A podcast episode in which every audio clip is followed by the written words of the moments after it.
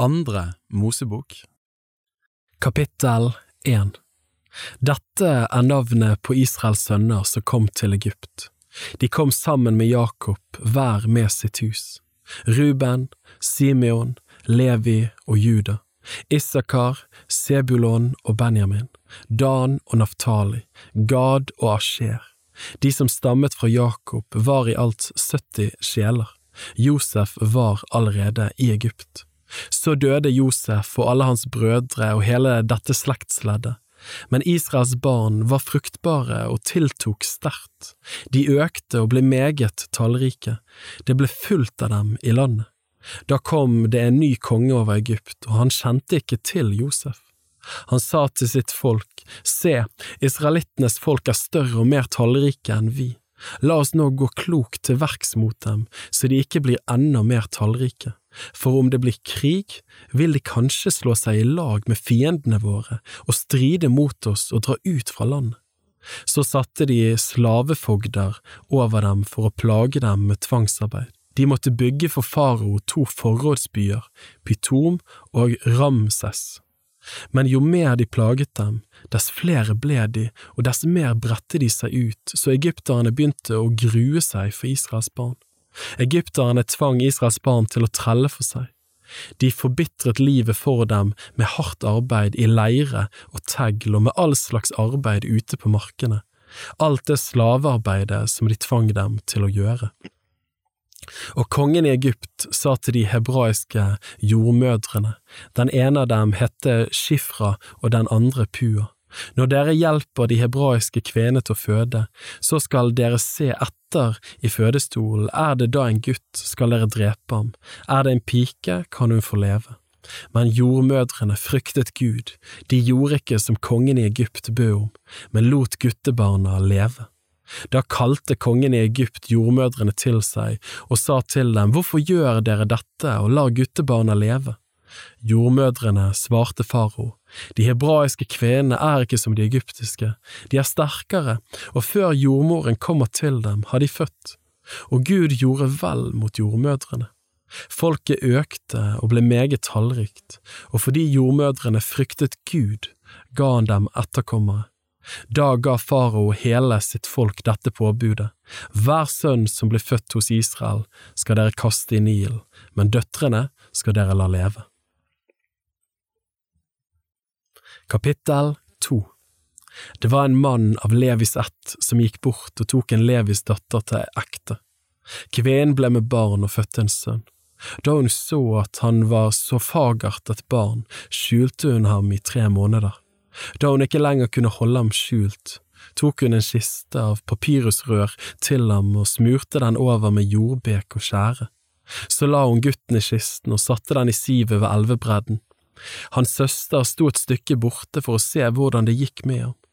Da kom faraos datter ned til elven for å bade, mens pikene hennes gikk fram og tilbake på elvebredden. Da fikk hun se kisten inne i sivet og sendte sin slavepike for å hente den. Da hun åpnet kisten, fikk hun se barnet, og se, det var en liten gutt som lå der og gråt. Hun kjente medynk med gutten og sa, det er et av hebreernes barn. Da sa guttens søster til faraos datter, skal jeg gå og finne en amme for deg blant de hebraiske kvenene, så hun kan fostre opp barnet for deg. Faraos datter svarte henne, ja, gå. Så gikk piken og hentet guttens mor. Faraos datter sa til henne, Ta denne gutten og fostre ham opp for meg, jeg vil gi deg lønn for det. Kvinnen tok da gutten og fostret ham opp, og gutten vokste opp, og hun gikk til faraos datter med ham, og han ble som en sønn for henne. Hun kalte ham Moses, for, sa hun, jeg har dratt ham opp av vannet. På den tiden da Moses var blitt voksen, gikk han ut til sine brødre, og han så deres slit og slep. Han fikk da se en egypter som slo en hebraisk mann, en av hans brødre. Moses vendte seg hit og dit og så at det ikke var noen der. Da slo han egypteren i hjel og gjemte ham i sand. Neste dag gikk han igjen ut. Han så da to hebraiske menn som holdt på å slåss. Da sa han til ham som hadde urett, Hvorfor slår du din landsmann? Mannen svarte, Hvem har satt deg til høvding og dommer over oss? Tenker du å slå meg i hjel, slik som du slo egypteren i hjel? Da ble Moses redd og sa, sannelig, saken er blitt kjent. Da farao fikk høre om dette, prøvde han å få drept Moses, men Moses flyktet for farao. Han slo seg ned i landet Midian og bodde der ved en brønn. Presten i Midian hadde sju døtre, de kom og øste opp vann og fylte vanntrauene for å vanne sin fars småfe. Da kom det noen gjetere og drev dem bort, men Moses sto opp og hjalp dem og vannet småfe deres. Da de kom hjem til sin far Reuel, sa han, Hvorfor kommer dere så tidlig i dag? De svarte, En egyptisk mann hjalp oss mot gjeterne. Han øste også vann for oss og vannet småfe. Da sa han til døtrene sine, Hvor er han da? Hvorfor lot dere mannen bli igjen der ute? Be ham inn, så han kan få mat. Moses samtykket i å bli hos mannen, og han lot Moses få sin datter Sippora til kone. Hun fikk en sønn, og han kalte ham Gershom, for, sa han, jeg er blitt en gjest i et fremmed land. Da lang tid var gått, døde kongen i Egypt. Israels barn sukket over sin trelldom og klaget, og deres rop over trelldommen steg opp til Gud. Gud hørte deres sukk, og Gud kom i hus sin pakt med Abraham, Isak og Jakob, og Gud så til Israels barn, og Gud kjentes ved dem. Kapittel 3 Moses gjette småfe hos Jetro sin svigerfar, presten i Midian. En gang drev han småfe bortom ørkenen og kom til Gudsberg, til Horeb. Der åpenbarte Herrens engel seg for ham i en flammende ild midt ut av en tornebusk. Han så opp og se tornebusken sto i lys lue, men tornebusken brant ikke opp. Moses sa, Jeg vil gå bort og se dette underfulle syn, at tornebusken ikke brenner opp. Da Herren så at han kom bort for å se, ropte Gud til ham midt ut av tornebusken og sa, Moses, Moses, og han svarte, Ja, her er jeg. Da sa han, Kom ikke nærmere, dra dine sko av føttene, for det stedet du står på er hellig grunn. Så sa han, Jeg er din fars Gud, Abrahams Gud, Isaks Gud og Jakobs Gud. Da skjulte Moses sitt ansikt, for han fryktet for å se Gud. Og Herren sa, Jeg har så visst sett mitt folks nød i Egypt. Jeg har hørt deres klagerop over slavefogdene, og jeg vet hva de lider. Nå er jeg steget ned for å befri dem fra egypternes hånd. Jeg skal føre dem opp fra dette landet til et godt og vidstrakt land, et land som flyter med melk og honning. Det er det landet hvor kananeerne bor, og hetittene og amorittene og fersittene og hevittene og jebusittene. Israels barns skrik har nå nådd opp til meg, jeg har også sett hvordan egypterne mishandler dem. Gå av sted, jeg sender deg til farao, du skal føre mitt folk, Israels barn, ut av Egypt. Men Moses sa til Gud, Hvem er jeg, at jeg skulle gå til farao, og at jeg skulle føre Israels barn ut av Egypt? Han sa sannelig, Jeg vil være med deg. Dette skal være et tegn for deg på at jeg har sendt deg, når du har ført folket ut av Egypt, da skal dere holde gudstjeneste på dette fjellet. Da sa Moses til Gud, men når jeg nå kommer til Israels barn og sier til dem, deres fedres Gud har sendt meg til dere, og de så spør meg, hva er hans navn, hva skal jeg da svare dem? Da sa Gud til Moses, jeg er den jeg er. Og han sa, Så skal du si til Israels barn, Jeg er, har sendt meg til dere. Så sa Gud til Moses, så skal du si til Israels barn, Herren, deres fedres Gud, Abrahams Gud, Isaks Gud og Jakobs Gud, har sendt meg til dere. Dette er mitt navn til evig tid. Det skal de kalle meg fra slekt til slekt. Gå nå og kall sammen de eldste i Israel, og si til dem, Herren, deres fedres Gud, Abrahams, Isaks og Jakobs Gud, har åpenbart seg for meg og sagt, Jeg har sett til dere, og jeg har sett hva som er blitt gjort mot dere i Egypt, og jeg har sagt, Jeg vil føre dere ut fra alt det onde dere lider i Egypt, til kananeernes og hetittenes og amorittenes og fersittenes og hevittenes og jebusittenes land, til et land som flyter med melk og honning. De skal komme til å høre på dine ord. Og du skal gå inn til kongen i Egypt, du og de eldste i Israel, og dere skal si til ham, Herren, hebreernes Gud, har møtt oss. La oss nå gå tre dagsreiser ut i ørkenen og ofre til Herren vår Gud.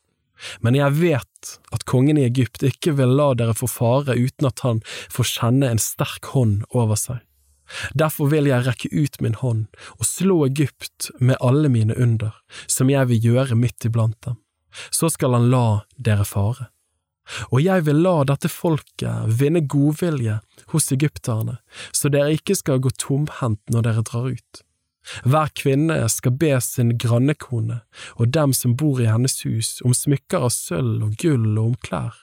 Dette skal dere la deres sønner og deres døtre ta på seg. Det er det byttet dere skal ta fra egypterne. Kapittel 4 Moses svarte, Se, de vil ikke tro meg og ikke høre på meg. De vil si, Herren har ikke åpenbart seg for deg. Da sa Herren til ham, hva er det du har i hånden? Han svarte, En stav. Da sa han, Kast den på jorden. Han kastet den på jorden, da ble den til en slange, og Moses flyktet for den. Herren sa til Moses, Rekk ut din hånd og grip den i halen. Så rakte han ut hånden og grep den, og den ble til en stav i hans hånd. Så må de vel tro at Herren, deres fedres Gud, Abrahams Gud, Isaks Gud og Jakobs Gud, har åpenbart seg for deg.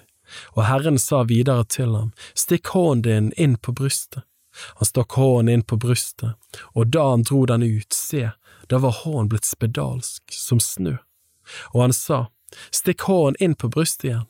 Han stakk igjen hånden inn på brystet, og da han dro den ut, se, da var den igjen blitt som hans legeme ellers. Om de nå ikke tror deg eller hører på det første tegnets vitnesbyrd, så vil de i hvert fall tro på det andre. Men tror de ikke på disse to tegnene, og vil de ikke høre på deg, da skal du ta vann i elven og helle det ut over tørre marken, og vannet du tar fra elven skal bli til blod på marken. Men Moses sa til Herren, Hør meg, Herre, jeg har aldri vært noen ordets mann, verken før eller nå etter at du begynte å tale til din tjener, jeg er tung i mele og tung i tale. Men Herren sa til ham, Hvem har gitt mennesket munn? Hvem er det som gjør stum eller døv, seende eller blind? Er det ikke jeg, Herren? Gå nå du, jeg vil være med din munn og lære deg hva du skal tale. Men han sa, Å Herre, send bud med hvem du ellers vil. Da ble Herrens vrede opptent mot Moses, og han sa, Har du ikke din bror Aron, levitten? Han kan tale, det vet jeg. Nå kommer han deg også i møte, og når han ser deg, blir han glad. Du skal tale til ham og legge ordene i munnen på ham. Så skal jeg være med din munn og med hans munn og lære dere hva dere skal gjøre. Han skal tale til folket for deg, han skal være din munn, og du skal være som Gud for ham.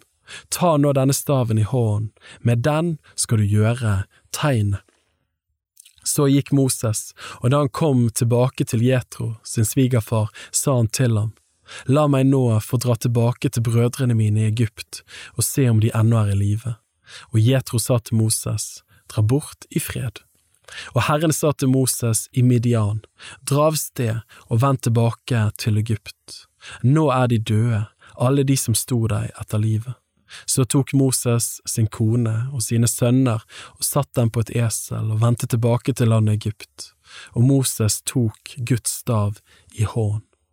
Og Herren sa til Moses, Når du nå vender tilbake til Egypt, se da til at du gjør alle de under som jeg har gitt deg makt til å gjøre for faraos øyne. Men jeg vil forherde hans hjerte, så han ikke lar folket fare. Da skal du si til farao, så sier Herren, min sønn, min førstefødte, er Israel. Jeg sa til deg, la min sønn fare, så han kan tjene meg. Men du ville ikke la ham fare, derfor vil jeg nå slå i hjel din sønn, din førstefødte. Mens de var på veien, på et hvilested, skjedde det at Herren kom mot ham og ville ta livet av ham. Da tok Sippora en skarp stein, med den skar hun bort sin sønns forhud og kastet den for Moses' føtter og sa, Du er meg en blodbrudgom. Så lot Herren ham være. Da sa hun, En blodbrudgom for omskjærelsens skyld. Herren sa til Aron, gå Moses i møte i ørken. Han gikk av sted og møtte Moses ved Guds berg og kysset ham. Og Moses kunngjorde for Aron alle de ordene som Herren hadde sendt ham med, og alle de tegnene han hadde befalt ham å gjøre. Så gikk Moses og Aron og samlet alle de eldste av Israels barn. Og Aron bar fram alle de ordene Herren hadde talt til Moses, og han gjorde tegnet for folkets øyne, og folket trodde. Da de hørte hvordan Herren hadde sett til Israels barn og gitt akt på deres nød, bøyde de seg og tilba. Kapittel 5 Deretter gikk Moses og Aron inn til faro og sa, Så sier Herren, Israels Gud, la mitt folk fare, så de kan holde høytid for meg i ørken. Men farao sa, Hvem er Herren, som jeg skal lyde og la Israel fare? Jeg kjenner ikke Herren og vil ikke la Israel fare.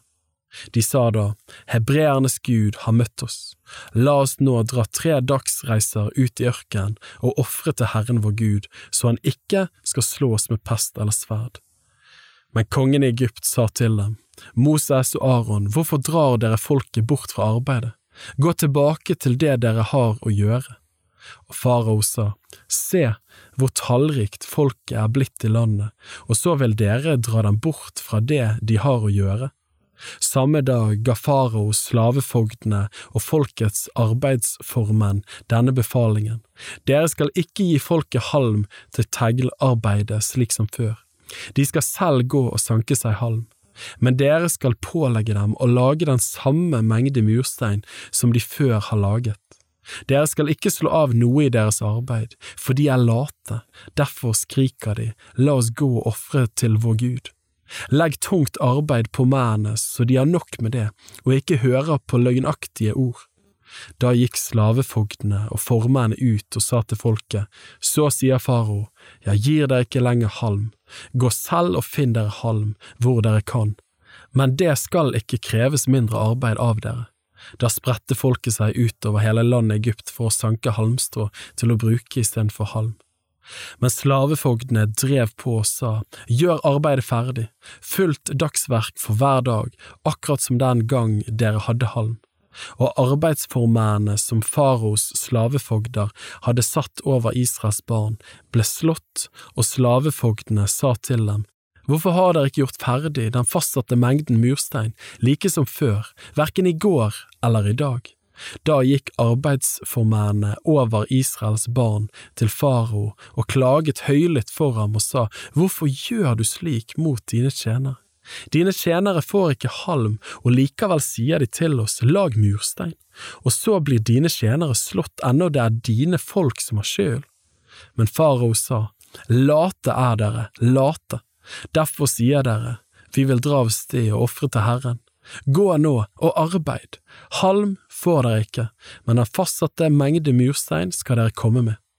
Israels arbeidsformenn så at de var ille ute da det ble sagt, dere får ikke avslag i tallet på murstein, fullt dagsverk hver dag. Da de kom ut fra faro, møtte de Moses og Aron som sto og ventet på dem. Og de sa til dem, måtte Herren hjemsøke dere og dømme dere fordi dere har vakt uvilje mot oss hos farao og hans tjenere, dere har gitt dem sverd i hånd til å drepe oss med.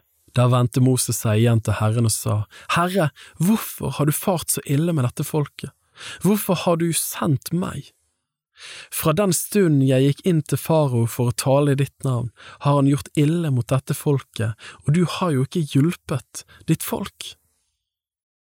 Kapittel 6 Da sa Herren til Moses, Nå skal du se hva jeg vil gjøre med farao. Ved min sterke hånd skal han tvinges til å la folk i fare. Ja, ved min sterke hånd skal han tvinges til å drive dem ut av sitt land.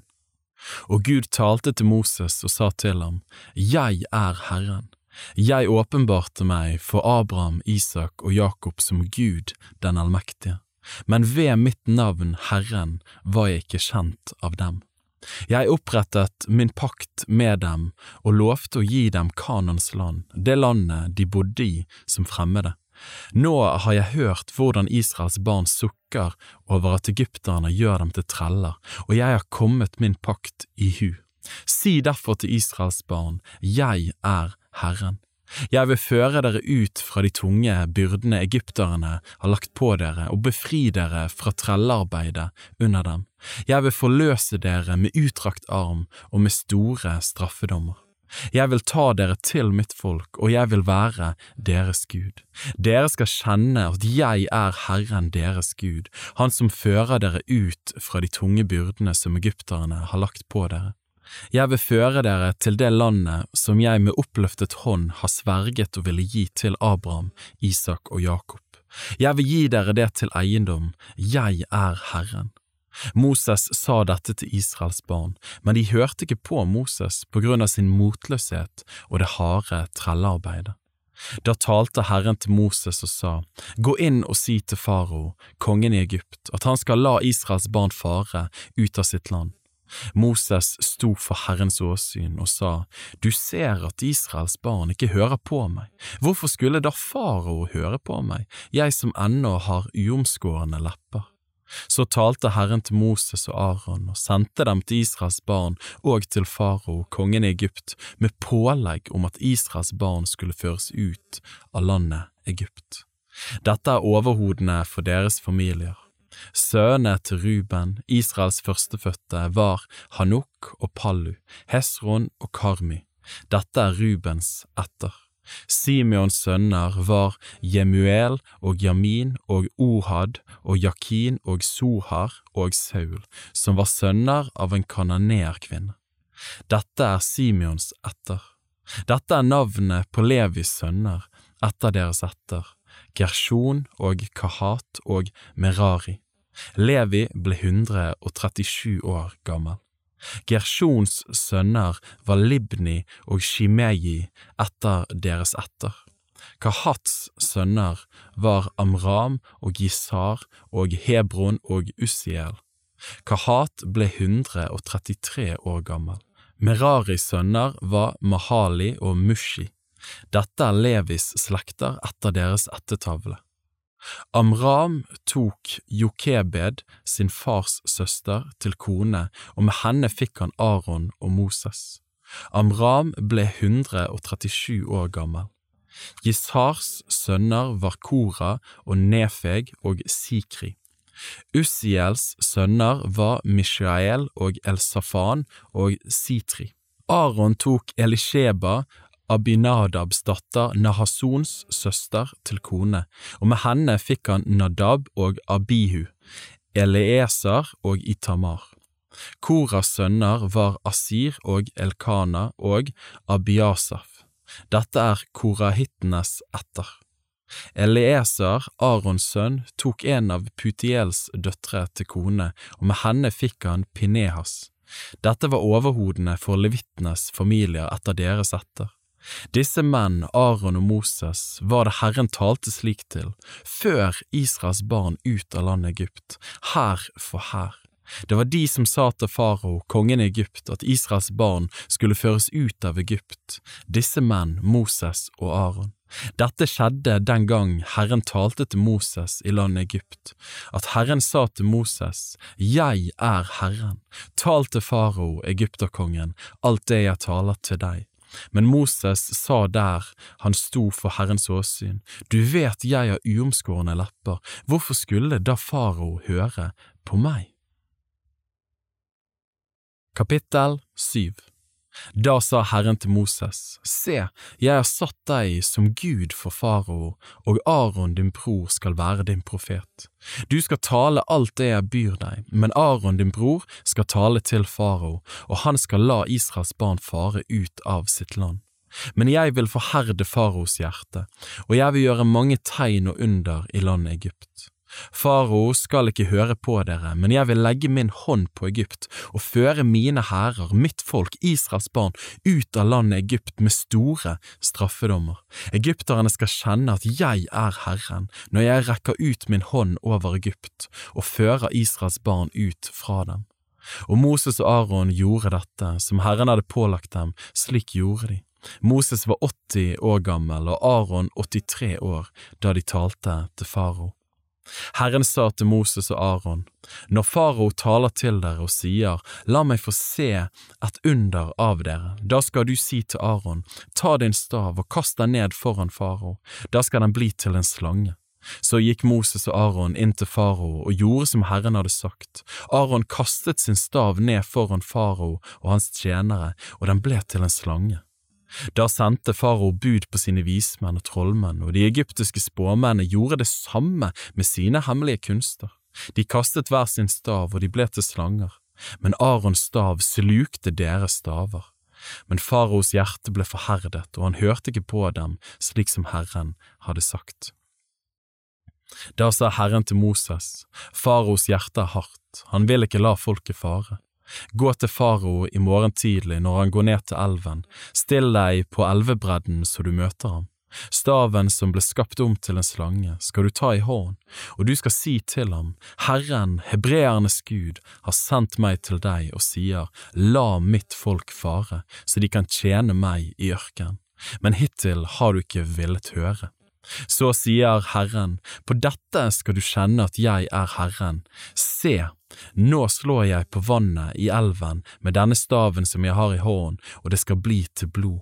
Fisken i Nil skal dø, og elven skal lukte ille, så egypterne skal kjenne avsky mot å drikke vann. Og Herren sa til Moses, si til Aron, ta din stav og rekk hånden ut over egypternes vann, over deres elver, over deres kanaler og over deres sjøer og over alle deres dammer. De skal bli til blod, og det skal være blod i hele landet Egypt, både i trekar og i steinkar. Moses og Aron gjorde som Herren hadde befalt.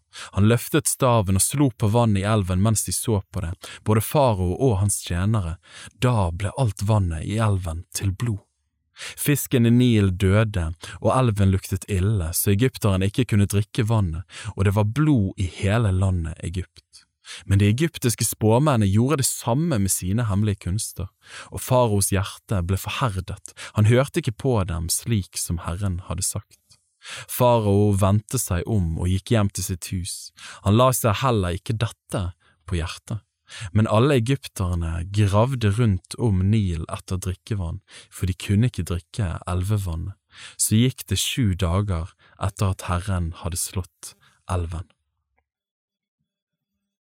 Kapittel 8 Da sa Herren til Moses, Gå til farao og si til ham, så sier Herren, la mitt folk fare så de kan tjene meg. Dersom du nekter å la dem fare, da vil jeg plage hele ditt land med frosk. Nil skal vrimle av frosk, og de skal krype opp og komme inn i ditt hus og i ditt sovekammer og opp i din seng, inn i dine tjeneres hus, til ditt folk, i dine bakerovner og i dine deigtrau. Ja, på deg, på ditt folk og på alle dine tjenere skal froskene krype opp. Og Herren sa til Moses, si til Aron, rekk ut hånden med din stav over elvene, over kanalene og over sjøene, og la froskene komme opp over hele landet Egypt. Da rakte Aron ut sin hånd over vannet i Egypt, og froskene kom opp og dekket hele landet Egypt. Men spåmennene gjorde det samme med sine hemmelige kunster og lot froskene komme opp over landet Egypt. Da kalte farao Moses og Aron til seg og sa, Be til Herren at han vil ta froskene bort fra meg og mitt folk, da vil jeg la folk i fare så de kan ofre til Herren. Moses sa til farao, Ha selv den ære å si når jeg skal be for deg og dine tjenere og for ditt folk at froskene må bli drevet bort fra deg og dine hus så de bare blir tilbake i Nilen. Han svarte, I morgen. Da sa Moses, det skal bli som du vil, og du skal kjenne at det ikke er noen som Herren vår Gud. Froskene skal vike fra deg og dine hus og fra dine tjenere og ditt folk. Bare i Nil skal de bli tilbake. Så gikk Moses og Aron ut fra farao. Moses ropte til Herren på grunn av froskene som han hadde ført over farao, og Herren gjorde som Moses hadde sagt. Froskene som var i husene og gårdene og på markene, døde bort.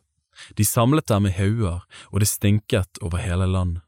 Men da farao så at det var blitt lettere, forherdet han sitt hjerte og hørte ikke på dem slik som Herren hadde sagt. Da sa Herren til Moses, si til Aron, rekk ut din stav og slå i støvet på jorden, så skal det bli til mygg over hele landet Egypt. Og de gjorde så. Aron rakte ut hånden med staven og slo i støvet på jorden. Da kom det mygg både på folk og fe. Alt støvet på jorden ble til mygg i hele landet Egypt. Spåmennene gjorde det samme med sine hemmelige kunster, de forsøkte å få mygg fram, men greide det ikke. Og myggen ble sittende på mennesker og dyr. Da sa spåmennene til farao, dette er Guds finger.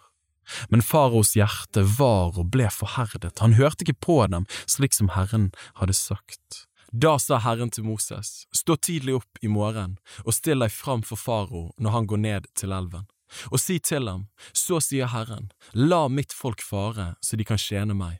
For dersom du ikke lar mitt folk fare, da sender jeg fluesvermer over deg og dine tjenere og ditt folk og dine hus. Egypternes hus skal bli fulle av fluesvermer, ja, også jorden de står på. Men på den dagen vil jeg unnta Gosen, hvor mitt folk bor, så det ikke skal være fluesvermer der. Da skal du kjenne at jeg, Herren, er midt i landet. For jeg vil sette en frelse til skille mellom mitt folk og ditt folk. I morgen skal dette tegnet skje. Og Herren gjorde som han hadde sagt. Det kom svære fluesvermer i faraos hus og i hans tjeneres hus. I hele Egypt ble land herjet av fluesvermer. Da kalte farao til seg Moses og Aron og sa, Gå og ofre til deres Gud her i landet. Men Moses sa, det er ikke rett å gjøre slik, for det vi ofrer til Herren vår Gud er avskyelig for egypterne. Om vi nå like for egypternes øyne ofret det som er avskyelig for dem, ville de da ikke steine oss? Vi vil dra tre dagsreiser ut i ørkenen og ofre til Herren vår Gud, slik han har sagt oss. Da sa farao, Jeg vil la dere fare så dere kan ofre til Herren deres Gud i ørkenen, men dere må ikke dra langt bort, be for meg. Moses svarte, Se, jeg går nå ut og vil be til Herren, og i morgen skal fluesvermene vike bort fra farao, fra hans tjenere og fra hans folk. Bare nå farao ikke igjen vil gå fram med svik, så han ikke lar folket fare for å ofre til Herren. Så gikk Moses ut fra farao og ba til Herren. Og Herren gjorde som Moses ba, han lot fluesvermene vike bort fra farao, fra hans tjenere og fra hans folk. Det ble ikke én tilbake.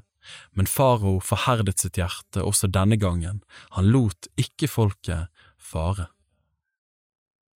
Kapittel 9 Og Herren sa til Moses, Gå inn til farao og si til ham, så sier Herren, hebreernes Gud, la mitt folk fare, så de kan tjene meg.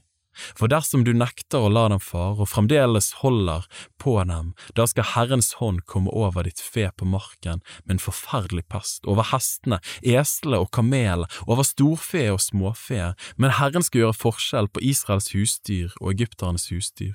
Det skal ikke dø noe av alt det som hører Israels barn til. Herren fastsatte tiden og sa, I morgen vil Herren la dette skje i landet. Dagen etter gjorde Herren som han hadde sagt. Alle egypternes husdyr døde, men av Israels barns husdyr døde ikke ett liv. Farao sendte bud, og se, da var det ikke dødt et eneste liv av Israels husdyr. Men faraos hjerte var hardt, og han lot ikke folket fare. Da sa Herren til Moses og Aron, ta hendene fulle av sot fra ovnen, og Moses skal kaste dem opp i været så farao ser på. Da skal den bli til støv over hele landet Egypt, og den skal bli til byller som bryter ut med blemmer både på mennesker og dyr i hele landet Egypt. Så tok de sot fra ovnen og trådte fram for farao, og Moses kastet den opp i været. Den ble til byller som brøt ut med blemmer, både på folk og fe. Spåmennene kunne ikke stå for Moses på grunn av byllene, for det var kommet byller på spåmennene og på alle egypterne. Men Herren forherdet faraos hjerte, så han ikke hørte på dem, slik som Herren hadde sagt til Moses. Da sa Herren til Moses, stå tidlig opp i morgen, tre fram for farao, si til ham, så sier Herren, hebreernes Gud, la mitt folk fare, så de kan tjene meg. For denne gangen vil jeg sende alle mine plager over deg selv og dine tjenere og ditt folk, for at du skal kjenne at ingen er som jeg på hele jorden. Jeg hadde rakt ut min hånd, og jeg ville slått deg og ditt folk med pest, så du var blitt utslettet av jorden. Men derfor reiste jeg deg opp, at jeg kunne vise deg min makt og mitt navn kunne bli kunngjort over hele jorden.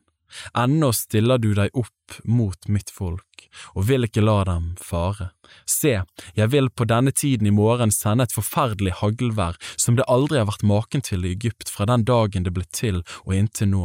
Se nå, gi befaling om å føre i skjul din buskap og alt du har på marken, alt folk og fe som er ute på marken og ikke har kommet seg i hus. På dem skal haglet fare, og de vil dø. De av faros tjenere som fryktet Herrens ord, berget da sine folk og sin buskap i hus, men de som ikke ga akt på Herrens ord, lot sine folk og sin buskap bli ute på marken. Da sa Herren til Moses, rekk din hånd opp mot himmelen, så skal det falle hagl i hele landet Egypt, både over folk og fe og over alle vekster på marken i landet Egypt. Moses rakte da sin stav opp mot himmelen, og Herren lot det komme torden og hagl. Det for ild ned på jorden, og Herren lot det falle hagl over landet Egypt. Det falt hagl, og lyn blinket midt i haglskurene, et uvær så svært at det aldri hadde vært maken i hele landet Egypt så lenge som folk hadde bodd der. Haglet slo ned alt som var på marken i hele landet Egypt, både folk og fe. Alle vekster på marken slo haglet ned, og alle markens trær brøt det i stykker. Bare i Gosens land, hvor Israels barn bodde, falt det ikke hagl. Da sendte farao bud og lot kalle til seg Moses og Aron, og han sa til dem, Denne gangen har jeg syndet, Herren er den rettferdige, jeg og mitt folk er onde. Be til Herren at det må være nok av Guds torden og hagl. Så vil jeg la dere fare, dere skal ikke bli her lenger. Moses svarte ham, så snart jeg kommer ut av byen, vil jeg rekke ut mine hender til Herren. Da skal torden holde opp og hagla ikke falle mer, så du skal kjenne at jorden hører Herren til. Men jeg vet om deg og dine tjenere at dere ennå ikke frykter for Gud, Herren. Lin og bygg var slått ned, for bygget sto med aks og linet i blomst, men hvete og spelt var ikke slått ned, for de modnes senere. Moses gikk bort fra farao og ut av byen, og han rakte ut sine hender til Herren. Da sluttet det å torne og hagle, og regnet strømmet ikke mer ned på jorden. Men da farao så at regnet og haglet og tordene hadde holdt opp, fortsatte han å synde. Han forherdet sitt hjerte, både han og hans tjenere. Faraos hjerte var og ble forherdet. Han lot ikke Israels barn fare, så som Herren hadde sagt ved Moses. Kapittel 10 Herren sa til Moses, Gå til farao, for det er jeg som har forherdet hans hjerte og hans tjeneres hjerte, for at jeg kan gjøre disse mine tegn midt iblant dem, og for at du skal fortelle din sønn og din sønnesønn hvor strengt jeg handlet mot egypterne, og om de tegnene jeg gjorde iblant dem, så dere skal kjenne at jeg er Herren. Så gikk Moses og Aron inn til farao og sa til ham, Så sier Herren, hebreernes Gud, hvor lenge vil du nekte å ydmyke deg for meg? La mitt folk fare, så de kan tjene meg. For dersom du nekter å la mitt folk fare, da vil jeg i morgen la gresshopper komme over ditt land. De skal dekke landet så ingen kan se jorden. De skal ete opp hvert grann av det som ble til overs for dere etter haglet, og snaugnage hvert tre som vokser på markene deres. De skal fylle dine hus og alle dine tjeneres hus og alle egypternes hus, så verken dine fedre eller dine forfedre har sett noe slikt fra den tid de kom til verden og til denne dag. Dermed snudde han seg og gikk ut fra farao. Da sa faros tjenere til ham, Hvor lenge skal denne mannen være en snare for oss? La mennene fare, så de kan tjene Herren sin Gud. Ser du ikke ennå at Egypt blir ødelagt? Så ble Moses og Aron hentet tilbake til farao, og han sa til dem, Gå sted og tjen Herren deres Gud, men hvem er det som skal fare? Moses svarte, Med våre unger og våre gamle vil vi fare, med våre sønner og våre døtre, og vi vil ha med både vårt småfe og vårt storfe, for vi skal holde høytid for Herren. Da sa han til dem, Herren være med dere, om jeg noen gang lar dere og deres små barn fare, se der om dere ikke har ondt for øyet. Nei, ikke så, dere menn kan dra av sted og tjene Herren, det var jo det dere ba om, dermed drev de dem ut fra farao. Da sa Herren til Moses, rekk ut din hånd over landet Egypt, så skal gresshoppene komme inn over landet Egypt og ete opp alle urter i landet, alt det haglet har spart. Så rakte Moses ut sin stav over landet Egypt, og Herren lot en østavind komme over landet hele den dagen og hele natten. Da det ble morgen, førte østavinden gresshoppene med seg. Gresshoppene kom inn over landet Egypt og slo seg ned i hele Egypt, i store mengder. Aldri før hadde det vært en slik gresshoppesverm, og aldri vil det komme noen slik mer. De dekket hele landet så landet ble mørkt. De åt opp alle vekster i landet og all frukt på trærne som var igjen etter haglværet. Det ble ikke noe grønt igjen, verken på trær eller planter, i hele landet Egypt. Da sendte farao i hast bud etter Moses og Aron. Han sa, Jeg har syndet mot Herren deres Gud og mot dere, men tilgi meg nå min synd denne ene gangen, og be til Herren deres Gud at han må ta fra meg denne død. Han gikk der bort fra farao og ba til Herren. Og Herren vendte vinden så det ble en meget sterk vestervind. Den førte gresshoppene bort og kastet dem ned i Rødehavet. Det ble ikke én gresshoppe tilbake i hele landet Egypt, men Herren forherdet faraos hjerte, så han ikke lot Israels barn fare. Og Herren sa til Moses, rekk din hånd opp mot himmelen, og det skal komme mørke over landet Egypt, et mørke så tett at en kan ta på det. Moses rakte hånden opp mot himmelen, da ble det stummende mørkt i hele landet Egypt i tre dager. Den ene kunne ikke se den andre, og ingen torde flytte seg fra sin plass i tre dager, men hos alle Israels barn var det lys der de bodde. Da kalte farao Moses til seg og sa, Gå av sted, skjen Herren, bare deres småfe og deres storfe skal bli igjen, de små barna kan få dra med dere. Men Moses sa, Du må også la oss ha slaktoffer og brennoffer, så vi kan ofre til Herren vår Gud. Også buskapen vår må være med oss. Ikke en klov må bli igjen, for det er det vi må ta av når vi skal tjene Herren vår Gud, og vi vet ikke hva vi skal ofre til Herren før vi kommer dit. Men Herren forherdet faraos hjerte, så han ikke ville la dem fare. Da sa farao til Moses, Gå fra meg Vokt deg så du ikke mer kommer for mine øyne, for den dagen du kommer for mine øyne skal du dø. Moses svarte, Du har talt rett, jeg skal aldri mer komme for dine øyne. Kapittel 11 Nå sa Herren til Moses, enda en plage vil jeg føre over farao og over Egypt, så han skal la dere dra herfra.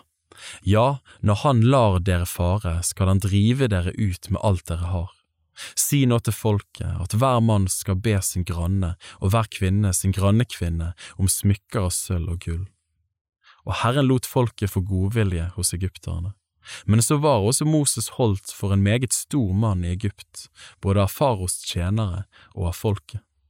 Moses sa, Så sier Herren, ved midnattstid vil jeg gå midt igjennom Egypt, og alle førstefødte i landet Egypt skal dø, fra den førstefødte sønn av farao som sitter på sin trone, til den førstefødte sønn av trellkvinnen som står bak håndkvern, likeså alt førstefødt blant buskapen. I hele landet Egypt skal det bli et stort skrik som det ikke har vært maken til, og heller ikke mer skal bli. Men ikke en hund skal gjø mot noen av Israels barn, hverken mot folk eller fe. Slik skal dere kjenne at Herren gjør forskjell på egypterne og Israel. Da skal alle disse dine tjenere komme ned til meg og bøye seg for meg og si, Dra ut, både du og hele det folket som følger deg, og så skal jeg dra ut. Så gikk han bort fra farao i brennende harme. Herren hadde sagt til Moses og Aron, Faro skal ikke høre på dere, så jeg kan få gjort mange under i landet Egypt. Moses og Aron gjorde alle disse undrene for faro, men Herren forherdet faros hjerte, så han ikke lot Israels barn dra bort fra sitt land. Kapittel 12 Herren talte til Moses og Aron mens de var i landet Egypt og sa, Denne måneden skal være deres nyttårsmåned. Den skal være den første av årets måneder hos dere. Tal til hele Israels menighet og si, på den tiende dagen i denne måneden skal hver husfar ta seg ut et lam, ett lam for hvert hus. Men dersom en husstand er for liten til ett lam, da skal han og hans nærmeste nabo ta ett lam sammen etter tallet på deres husfolk. Etter det hver eter skal dere regne folk på ett lam. Det skal være et lam uten lyte, av hanskjønn, årsgammelt, et lam eller et skje kan dere ta. Dere skal ta vare på det til den fjortende dagen i denne måneden. Da skal hele Israels samlede menighet slakte det mellom de to aftenstundene. Så skal de ta blodet og stryke på begge dørstolpene og på den øverste dørbjelken på de hus hvor de eter det. De skal ete kjøttet samme natt, stekt over eld, og med usyret brød og bitre urter skal de ete det. Dere må ikke ete noe av det rått eller kokt i vann, men stekt over ild med hode, føtter og innvolle. Dere skal ikke levne noe av det til om morgenen. Er det noe igjen om morgenen, skal dere brenne det opp i ilden. På denne måten skal dere ete det. Med belte om livet, med sko på føttene og med stav i hånden, og dere skal ete det i hast. Det er påske for Herren. For samme natt vil jeg gå gjennom hele landet Egypt og slå i hjel alt førstefødt i landet Egypt, både folk og fe, og over alle guder i Egypt vil jeg holde dom. Jeg er Herren. Blodet på husene hvor dere er skal være til et tegn for dere, når jeg ser blodet vil jeg gå dere forbi. Intet dødelig slag skal ramme dere når jeg slår landet Egypt. Denne dagen skal være en minnedag for dere. Dere skal holde den som en høytid for Herren. Det skal være en evig forskrift for dere å holde den slekt etter slekt. I sju dager skal dere ete usyret brød. Straks på den første dagen skal dere ha all surdeig bort fra huset deres. Hver den som eter syret brød fra den første til den tjuende dagen, han skal utryddes av Israel. På den første dagen skal dere holde en hellig samling, og likeså på den tjuende dagen en hellig samling. Disse dagene skal dere ikke gjøre noe arbeid, bare den maten som hver av dere trenger skal dere lage til. Dere skal holde de usyrede brøds høytid, for nettopp på denne dagen førte jeg deres hærer ut av landet Egypt. Derfor skal det være en evig forskrift for dere å holde denne dagen, slekt etter slekt. I den første måneden, om kvelden på den fjortende dagen i måneden, skal dere ete usyret brød. Det skal dere gjøre helt til om kvelden på den tjueførste dagen i samme måned. I sju dager skal det ikke finnes surdeig i deres hus. Hver den som eter syret brød, han skal utryddes av Israels menighet, enten han er en fremmed eller innfødt i landet. Dere må ikke ete noe som er syret, i alle deres bosteder skal dere ete usyret brød. Da kalte Moses sammen alle Israels eldste og sa til dem, Gå og hent småfe for deres familier og slakt påskelammet. Og dere skal ta en isoppkvast, dyppe den i blodet som er i skål, og stryke noe av blodet i skål på den øverste dørbjelken og på begge dørstolpene. Og ingen av dere skal gå ut gjennom sin husdør før om morgenen. For Herren vil gå gjennom landet for å slå egypterne og når han ser blodet på den øverste dørbjelken og på begge dørstolpene, skal han gå forbi den døren og ikke la ødeleggeren slippe inn i deres hus og slå dere. Adlyd nå dette påbudet. Det skal være en forskrift for deg og for dine barn til evig tid. Når dere kommer inn i det landet Herren skal gi dere, slik som Han har sagt, da skal dere ta vare på denne tjenesten, og når deres barn sier til dere, Hva er meningen med denne skikken? Da skal dere si, Det er påskeoffer til Herren, som gikk forbi Israels barns hus i Egypt, og sparte våre hus da han slo egypterne. Og folket bøyde seg og tilba. Israels barn gikk da bort og gjorde dette. Som Herren hadde sagt til Moses og Aron, slik gjorde de. Så skjedde det ved midnattstid at Herren slo i hjel alle førstefødte i landet Egypt, fra den førstefødte sønn av farao som satt på sin trone, til den førstefødte sønn av fangen i fengselet, likeså alt førstefødt blant buskapen. Da sto farao opp om natten, han og alle hans tjenere og alle egypterne. Og det ble et stort skrik i Egypt, for det fantes ikke et hus hvor det ikke var en død. Han sendte da bud på Moses og Aron om natten og sa, Stå opp, dra ut fra mitt folk, både dere og Israels barn, far bort og tjen Herren som dere har sagt, ta med dere både deres småfe og deres storfe som dere har sagt, gå og be om velsignelse over meg også. Egypterne trengte hardt på folket for å få dem til å skynde seg ut av landet, for de sa, Vi er dødsens, alle sammen. Folket tok da sin deig, før den var syret, og svøpte klærne sine om sine deigtrau og bar dem på skuldrene. Israels barn gjorde som Moses hadde sagt, de ba egypterne om smykker av sølv og gull og om klær, og Herren ga folket godvilje hos egypterne, så de gjerne ga dem det de ba om. Det var det byttet de tok av egypterne. Så brøt da Israels barn opp fra Ramses og dro til Sukkot. De var omkring 600 000 mann til fots utenom barna. Det dro også med dem en stor, blandet folkemengde, og de hadde med seg småfe og storfe, en meget stor buskap. Av deigen de hadde med seg fra Egypt, bakte de usyrede kaker. Deigen var ikke syret fordi de var drevet ut av Egypt og ikke torde dryge der lenger. Heller ikke hadde de laget i stand reisekost. Den tiden Israels barn hadde bodd i Egypt, var 430 år. På den dagen da de 430 år var til ende, dro alle Herrens hærer ut av Egypt. Denne natten våket Herren for å føre dem ut av landet Egypt. Den samme natten hører Herren til som en våkenatt for alle Israels barn, slekt etter slekt. Herren sa til Moses og Aron, dette er forskriften om påskelammet, ingen fremmed skal ete av det. Men hver trell som er kjøpt for sølv, ham skal du omskjære, da kan han ete av det. Ingen fremmed eller dagarbeider skal ete av det, i ett hus skal det etes. Du skal ikke la noe av kjøttet komme utenfor huset, dere skal ikke bryte noe ben på det. Slik skal hele Israels menighet gjøre. Når en fremmed oppholder seg hos deg og vil holde påske for Herren, skal alle menn hos ham omskjæres. Da kan han få være med og holde høytid. Han skal være som en innfødt i landet, men ingen uomskåret skal ete av det. Det skal være én og samme lov for den innfødte og for den fremmede som oppholder seg hos dere. Alle Israels barn gjorde slik, som Herren hadde befalt Moses og Aron, slik gjorde de. På denne samme dagen var det Herren førte Israels barn ut av landet Egypt, her etter her. Kapittel 13 Herren talte til Moses og sa, Du skal hellige alle førstefødte til meg, alt det som åpner mors liv blant Israels barn, enten det er folk eller fe, meg hører det til. Moses sa til folket, Husk denne dagen da dere dro ut av Egypt, av trellhuset, for med sterk hånd førte Herren dere ut derfra.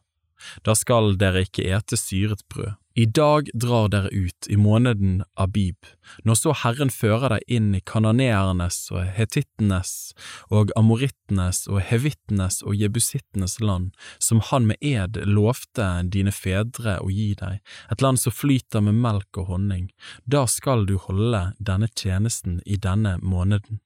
I sju dager skal du ete usyret brød, og på den sjuende dagen skal det være høytid for Herren. Usyret brød skal du ete alle disse sju dagene. Det skal ikke finnes syret brød hos deg, og ikke surdeig innenfor dine grenser. Denne samme dagen skal du si til din sønn, dette er til minne om det Herren gjorde for meg da jeg dro ut av Egypt. Det skal være for deg et merke på din hånd og et minnetegn på din panne for at Herrens lov skal være i din munn, for med sterk hånd førte Herren deg ut av Egypt. Du skal gjøre etter denne loven til fastsatt tid, år etter år. Når Herren har ført deg til kanoneernes land, slik han med ed lovte deg og dine fedre, og gir deg landet, da skal du overgi til Herren alt det som åpner mors liv. Alt som fødes først i din buskap og som er av hanskjønn, hører Herren til. Og alt som åpner mors liv blant esler skal du løse med et stykke småfe. Men hvis du ikke løser det, skal du bryte nakken på det. Alt førstefødt av mennesker blant dine sønner skal du løse. Når din sønn siden spør deg og sier hva betyr dette, Da skal du svare ham, med sterk hånd førte Herren oss ut av Egypt, av trellehuset. Da farao gjorde seg hard og ikke ville la oss fare. Da slo Herren i hjel alt førstefødte i landet Egypt, både folk og fe. Derfor ofrer jeg til Herren alt det som åpner mors liv, det som er av hanskjønn, og alle førstefødte blant mine sønner løser jeg. Det skal være et merke på din hånd og et minnetegn på din panne, for med sterk hånd førte Herren oss ut av Egypt. Da når farao lot folket fare, førte Gud dem ikke på veien til filistrenes land, skjønt den var den nærmeste, for Gud sa, folket kunne angre seg når de ser krig for seg, og så vende tilbake til Egypt. Men Gud førte folket omveien gjennom ørken mot Rødehavet. Så dro Israels barn fullt rustet ut av landet Egypt, og Moses tok Josefs ben med seg, for Josef hadde tatt en ed av Israels barn og sagt, Gud skal visselig se til dere, og da skal dere føre mine ben med dere opp herfra. Så brøt de opp fra Sukkot og slo leir i Etam ved grensen av ørken, og Herren gikk foran dem, om dagen i en skystøtte for å lede dem på veien, og om natten i en ildstøtte for å lyse for dem, slik kunne de dra fram både dag og natt. Skystøtten vek ikke fra folket om dagen, og heller ikke ildstøtten om natten. Kapittel 14 så talte Herren til Moses og sa, Si til Israels barn at de skal vende om og slå leir foran Pi Hakirot, mellom Migdol og havet, midt imot Baal Sefon. Der skal dere slå leir ved havet. Farao vil da si om Israels barn, de farer vill i landet, ørkenen har lukket dem inne, jeg vil forherde faraos hjerte så han forfølger dem og jeg vil vise min herlighet på farao og hele hans hær, og egypterne skal kjenne at jeg er Herren. Og de gjorde så. Da når kongen i Egypt fikk melding om at folket hadde flyktet, skiftet farao og hans tjenere sinn mot folket, og de sa, Hvorfor gjorde vi dette? Og lot Israel dra bort fra vår tjeneste. Så lot han spenne for vognen sin og tok sin hær med seg. Han tok 600 utvalgte vogner og alle de andre vognene i Egypt. Krigsmenn var det på dem alle, for Herren forherdet farao, egypterkongens hjerte, så han forfulgte Israels barn. Men Israels barn dro ut med løftet hånd. Så forfulgte egypterne dem og nådde dem igjen da de lå i leir ved havet alle faros vogner og hestfolk og hele hans hær ved Pi Hakirot foran Baal Sefon. Da farao nærmet seg, så Israels barn opp og fikk øye på egypterne som kom etter dem. Da ble Israels barn grepet av stor redsel, og de ropte til Herren. Og de sa til Moses, fantes det ikke graver i Egypt siden du har ført oss hit for at vi skal dø i ørkenen? Hvorfor har du gjort dette mot oss og ført oss ut av Egypt? Var det ikke det vi sa til deg i Egypt, la oss være i fred, vi vil tjene egypterne, det er bedre for oss å tjene egypterne enn å dø i ørkenen. Da sa Moses til folket, frykt ikke, stå fast, se Herrens frelse, som han vil sende dere i dag. For slik som dere ser egypteren i dag, skal dere aldri i evighet se dem mer. Herren skal stride for dere, og dere skal være stille. Herren sa til Moses, Hvorfor roper du til meg? Si til Israels barn at de skal dra videre. Og du, løft nå din stav og rekk din hånd utover havet, og du skal kløve det så Israels barn kan gå midt gjennom havet på tørre bøn. Men jeg vil forherde egypternes hjerte, så de setter etter dere, og jeg vil vise min herlighet på farao og hele hans hær, på hans vogner og hestfolk.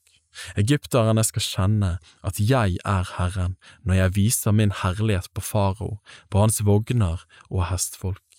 Guds engel, som gikk foran Israels leir, flyttet seg og gikk etter dem. Skystøtten som var foran dem, flyttet seg og stilte seg bak dem. Slik kom den mellom egypternes leir og Israels leir.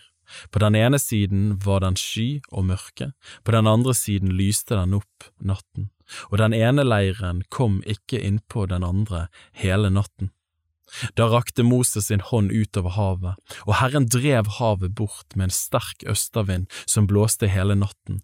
Han gjorde havet til tørt land, og vannet skiltes at. Og Israels barn gikk midt gjennom havet på tørr grunn. Vannet sto som en mur på deres høyre og på deres venstre side.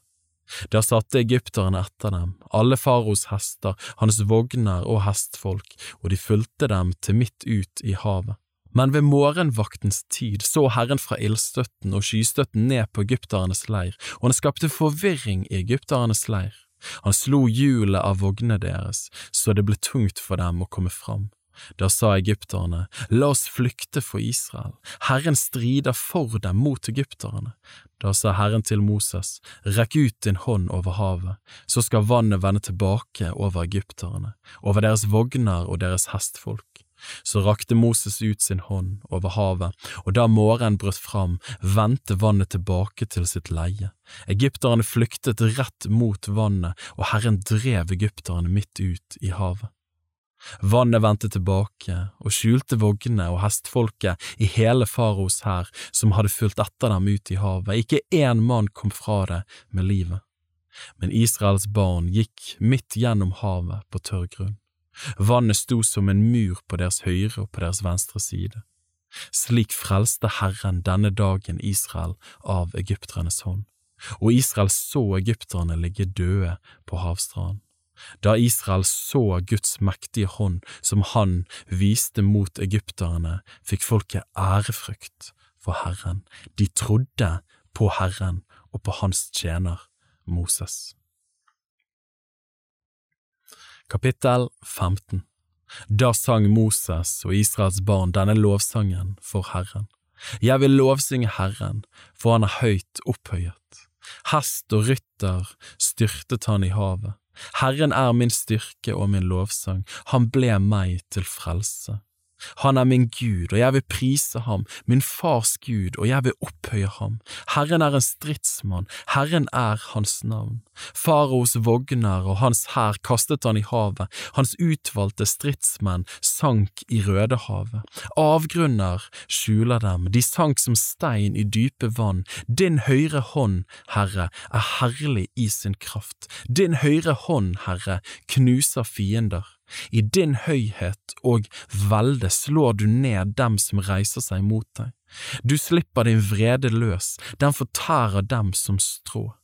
Ved ditt åndepust hopet vanet seg opp, bølgene sto som en vold, dype vann stivnet i havets hjerte. Fienden sa, Jeg vil forfølge dem, jeg vil innhente dem, jeg vil dele ut hærfang, jeg vil mette min sjel med dem, jeg vil dra mitt sverd, min hånd skal utrydde dem. Du blåste med din ånde, havet skjulte dem, de sank som bly i de veldige vann. Herre, hvem er som du blant gudene? Hvem er som du, herlig i hellighet, forferdelig å lovprise, underfull i gjerning? Du rakte ut din høyre hånd, jorden slukte dem, du fører ved din miskunnhet det folket som du forløste. Du leder dem ved din kraft til din hellige bolig. Folkene hører det, de skjelver, angst griper dem som bor i Filisterland, da blir Edoms stammehøvdinger forferdet, redsel griper Moabs høvdinger, alle Kanons innbyggere forgår av angst. Forferdelse og redsel faller over dem, ved din arms velde blir de stumme som stein, mens ditt folk drar fram, Herre, mens det folk drar fram som du har vunnet deg. Du vil føre dem inn og plante dem på det berget som er din arv, Herre, det stedet du har skapt til bolig for deg, den helligdommen, Herre, som dine hender har grunnlagt. Herren skal være konge i all evighet. For da faraos hester med hans vogner og menn for ut i havet, da lot Herren havets vann vende tilbake over dem, mens Israels barn gikk på tørr grunn midt gjennom havet. Profeteen Miriam, Arons søster, tok en tromme i hånden, og alle kvenene gikk etter henne med tamburiner og dans. Miriam sang fore, lovsyng Herren, for han er høy og opphøyet, hest og rytter styrtet han i havet. Så lot Moses Israel bryte opp fra Rødehavet, og de dro ut i ørkenen sur. I tre dager dro de fram gjennom ørkenen uten å finne vann. Så kom de til Mara, men de kunne ikke drikke vannet i Mara fordi det var beskt. Derfor ble stedet kalt Mara. Folket knurret mot Moses og sa, Hva skal vi drikke? Da ropte han til Herren, og Herren viste ham et tre. Det kastet han i vannet, og vannet ble godt. Der satte han dem lov og rett, og der prøvde han dem. Han sa, Dersom du hører på Herren din Guds røst og gjør det som er rett i hans øyne, dersom du gir akt på hans bud og holder alle hans forskrifter, da vil jeg ikke legge på deg noen av de sykdommene som jeg la på egypterne, for jeg er Herren din lege. Så kom de til Elim. Der var tolv vannkilder og 70 palmetrær, og de slo leir der ved vann. Kapittel 16 Så brøt de opp fra Elim, den femtende dagen i den andre måneden etter at de var dratt ut av landet Egypt, kom hele Israels barns menighet til ørkenen Sin, som ligger mellom Elim og Sinai, og hele Israels barns menighet knurret mot Moses og Aron i ørkenen. Israels barn sa til dem, Å, om vi bare hadde fått dø for Herrens hånd i landet Egypt, da vi satt ved kjøttgrytene, og da vi åt brød til vi var mette. Nå har dere ført oss ut i ørkenen for at hele folkemengden skal dø av sult. Da sa Herren til Moses, Se, jeg vil la brød regne ned fra himmel til dere. Folket skal gå ut og sanke for hver dag det de trenger. Slik vil jeg prøve dem om de vil følge min lov eller ikke. Den sjette dagen skal de lage til det som de har hatt med hjem, og det skal være dobbelt så mye som det de ellers sanker for hver dag. Moses og Aron sa til alle Israels barn, i kveld skal dere kjenne at det er Herren som har ført dere ut av landet Egypt. Og i morgen tidlig skal dere få se Herrens herlighet, for han har hørt hvordan dere knurrer mot ham. For hva er vel vi, siden dere knurrer mot oss? Og Moses sa, Dette skal dere få se når Herren i kveld gir dere kjøtt å ete, og i morgen tidlig brød så dere blir mette. For Herren har hørt hvordan dere knurrer og murrer mot ham, for hva er vel vi, det er ikke mot oss dere knurrer, men mot Herren. Moses sa til Aron, si til hele Israels barns menighet, kom fram for Herren, for han har hørt hvordan dere knurrer. Mens Aron så talte til hele Israels barns menighet, vendte de seg mot ørkenen, og se, Herrens herlighet åpenbarte seg i skyen. Og Herren talte til Moses og sa, jeg har hørt hvordan Israels barn knurrer. Si til dem, mellom de to aftenstøene skal dere få kjøtt å ete, og i morgen tidlig skal dere få mette dere med brød. Dere skal kjenne at jeg er Herren, deres Gud. Da det så ble kveld, kom det vaktler og dekket leiren og om morgenen var det et lag av dugg rundt omkring leiren. Da dugget gikk bort, se, da lå det utover ørkenen et fint kornet lag som fint rim på jorden. Da Israels barn så det, sa de til hverandre, hva er det, for de visste ikke hva det var. Da sa Moses til dem, det er det brødet Herren har gitt dere å ete. Dette er det Herren har befalt, sank så mye av dette som hver eter, én omer til hver som hører til husstanden deres. Enhver skal ta for dem som er i hans telt. Israels barn gjorde så, noen sanket mye, andre lite. Da de målte det i omeren, hadde den som hadde sanket mye, ikke noe til overs, og den som hadde sanket lite, manglet ikke noe. Alle hadde sanket etter som de trengte til mat. Moses sa til dem, ingen skal la noe av det bli igjen til neste morgen. Men de adlød ikke Moses, noen lot noe være igjen til om morgenen. Da kom det makk i det, og det luktet vondt, og Moses ble vred på dem. Siden sanket de hver morgen etter som hver trengte, men når solen brente hett, smeltet det. Den sjette dagen sanket de dobbelt så mye brød, to omer for hver. Alle folkets høvdinger kom og meldte dette til Moses. Da sa han til dem, det er det Herren har sagt. I morgen er det sabbat, hellig sabbat for Herren. Bak nå det dere vil bake, og kok det dere vil koke, men alt det som blir til overs skal dere legge til side og gjemme til i morgen. Så lot de det ligge til om morgenen som Moses hadde befalt. Da luktet det ikke vondt, og det kom heller ikke makk i det. Moses sa, Et det i dag, for i dag er det sabbat for Herren, i dag finner dere ikke noe på marken. Seks dager skal dere sanke det, men på den sjuende dagen er det sabbat, da finnes ingenting. Likevel gikk noen av folket ut den sjuende dagen for å sanke, men de fant ikke noe. Da sa Herren til Moses, Hvor lenge vil dere nekte å holde mine bud og mine lover? Se, Herren har gitt dere sabbaten. Derfor gir han dere på den sjette dagen brød for to dager. Bli hjemme, vær hos seg.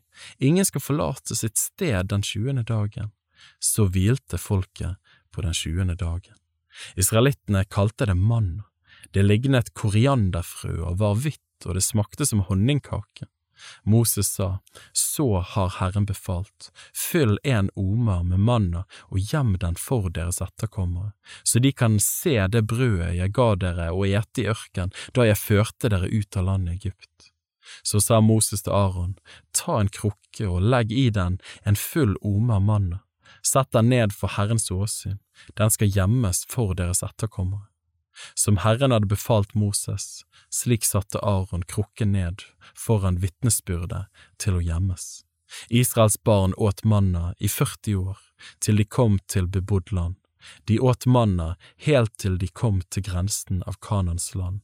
En omer er tiendedelen av en efa. Kapittel 17 så dro hele Israels barns menighet fra ørken sin i dagsreiser etter Herrens befaling. De slo leir i Refidim. Der hadde folket ikke vann å drikke.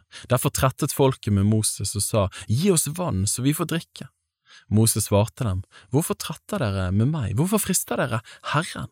Men folket tørstet etter vann. De knurret mot Moses og sa, Hvorfor har du ført oss opp fra Egypt for å la oss og barna våre og buskapen vår dø av tørst? Da ropte Moses til Herren og sa, Hva skal jeg gjøre med dette folket? Det er ikke langt fra at de steiner meg. Herren sa til Moses, Gå fram foran folket og ta med deg noen av Israels eldste. Din stav som du slo i elven med, ta den i hånden og gå. Se, jeg vil stå der foran deg på klippen ved Horeb. Du skal slå på klippen, og det skal flyte vann ut av den, så folket får drikke. Og Moses gjorde så mens Israels eldste så på.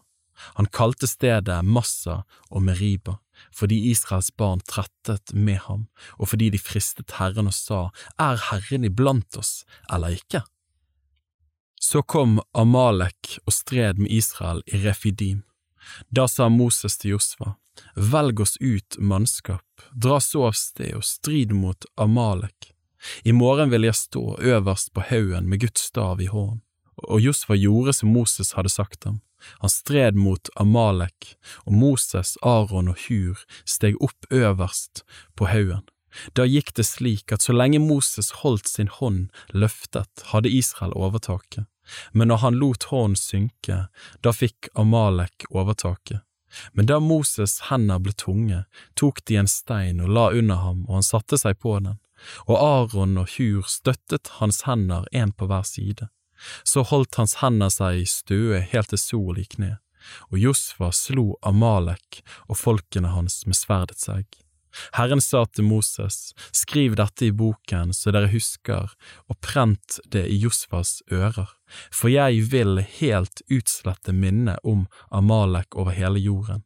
Så bygde Moses et alter og kalte det Herren er mitt banner.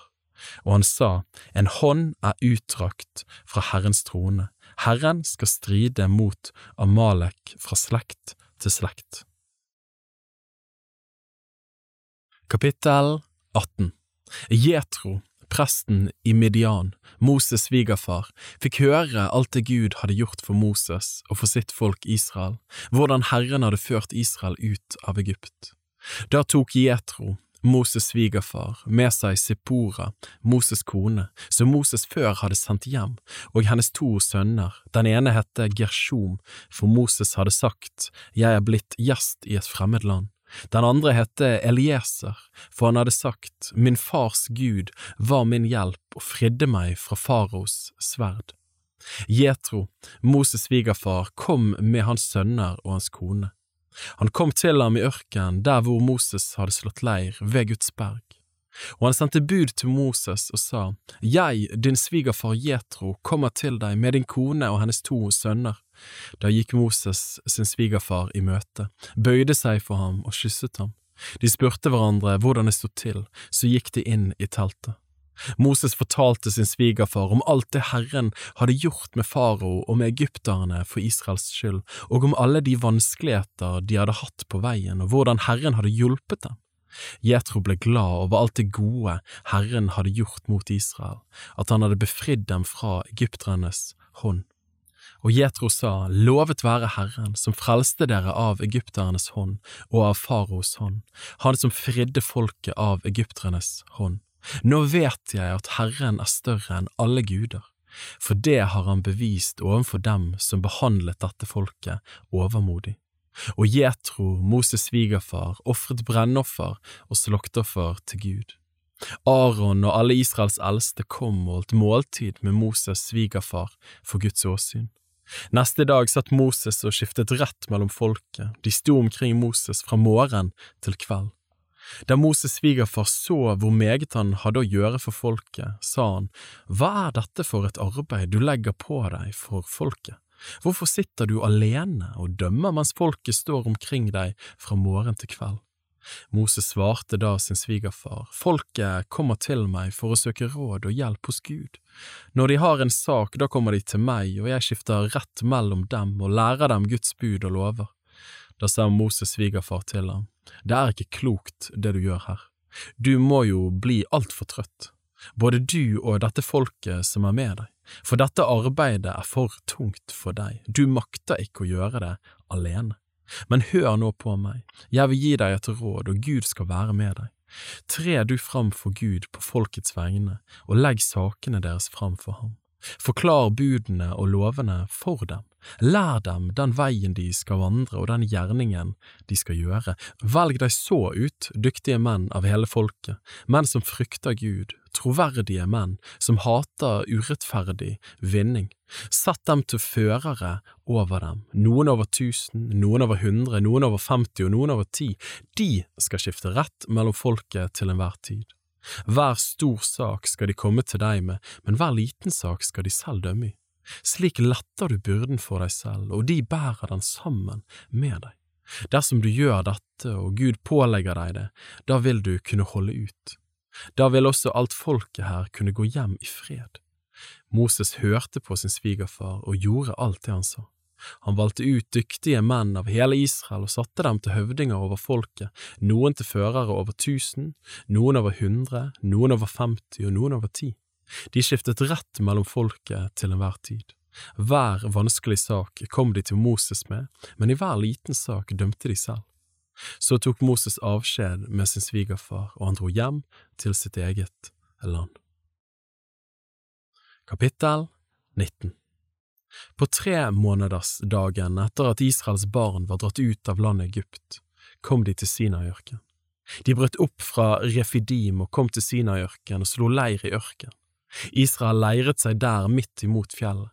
Så steg Moses opp til Gud og Herren ropte til ham fra fjellet og sa, Så skal du si til Jakobs hus og kunngjøre for Israels barn, dere har selv sett hva jeg har gjort med egypterne, og hvordan jeg bar dere på ørnevinger og brakte dere til meg.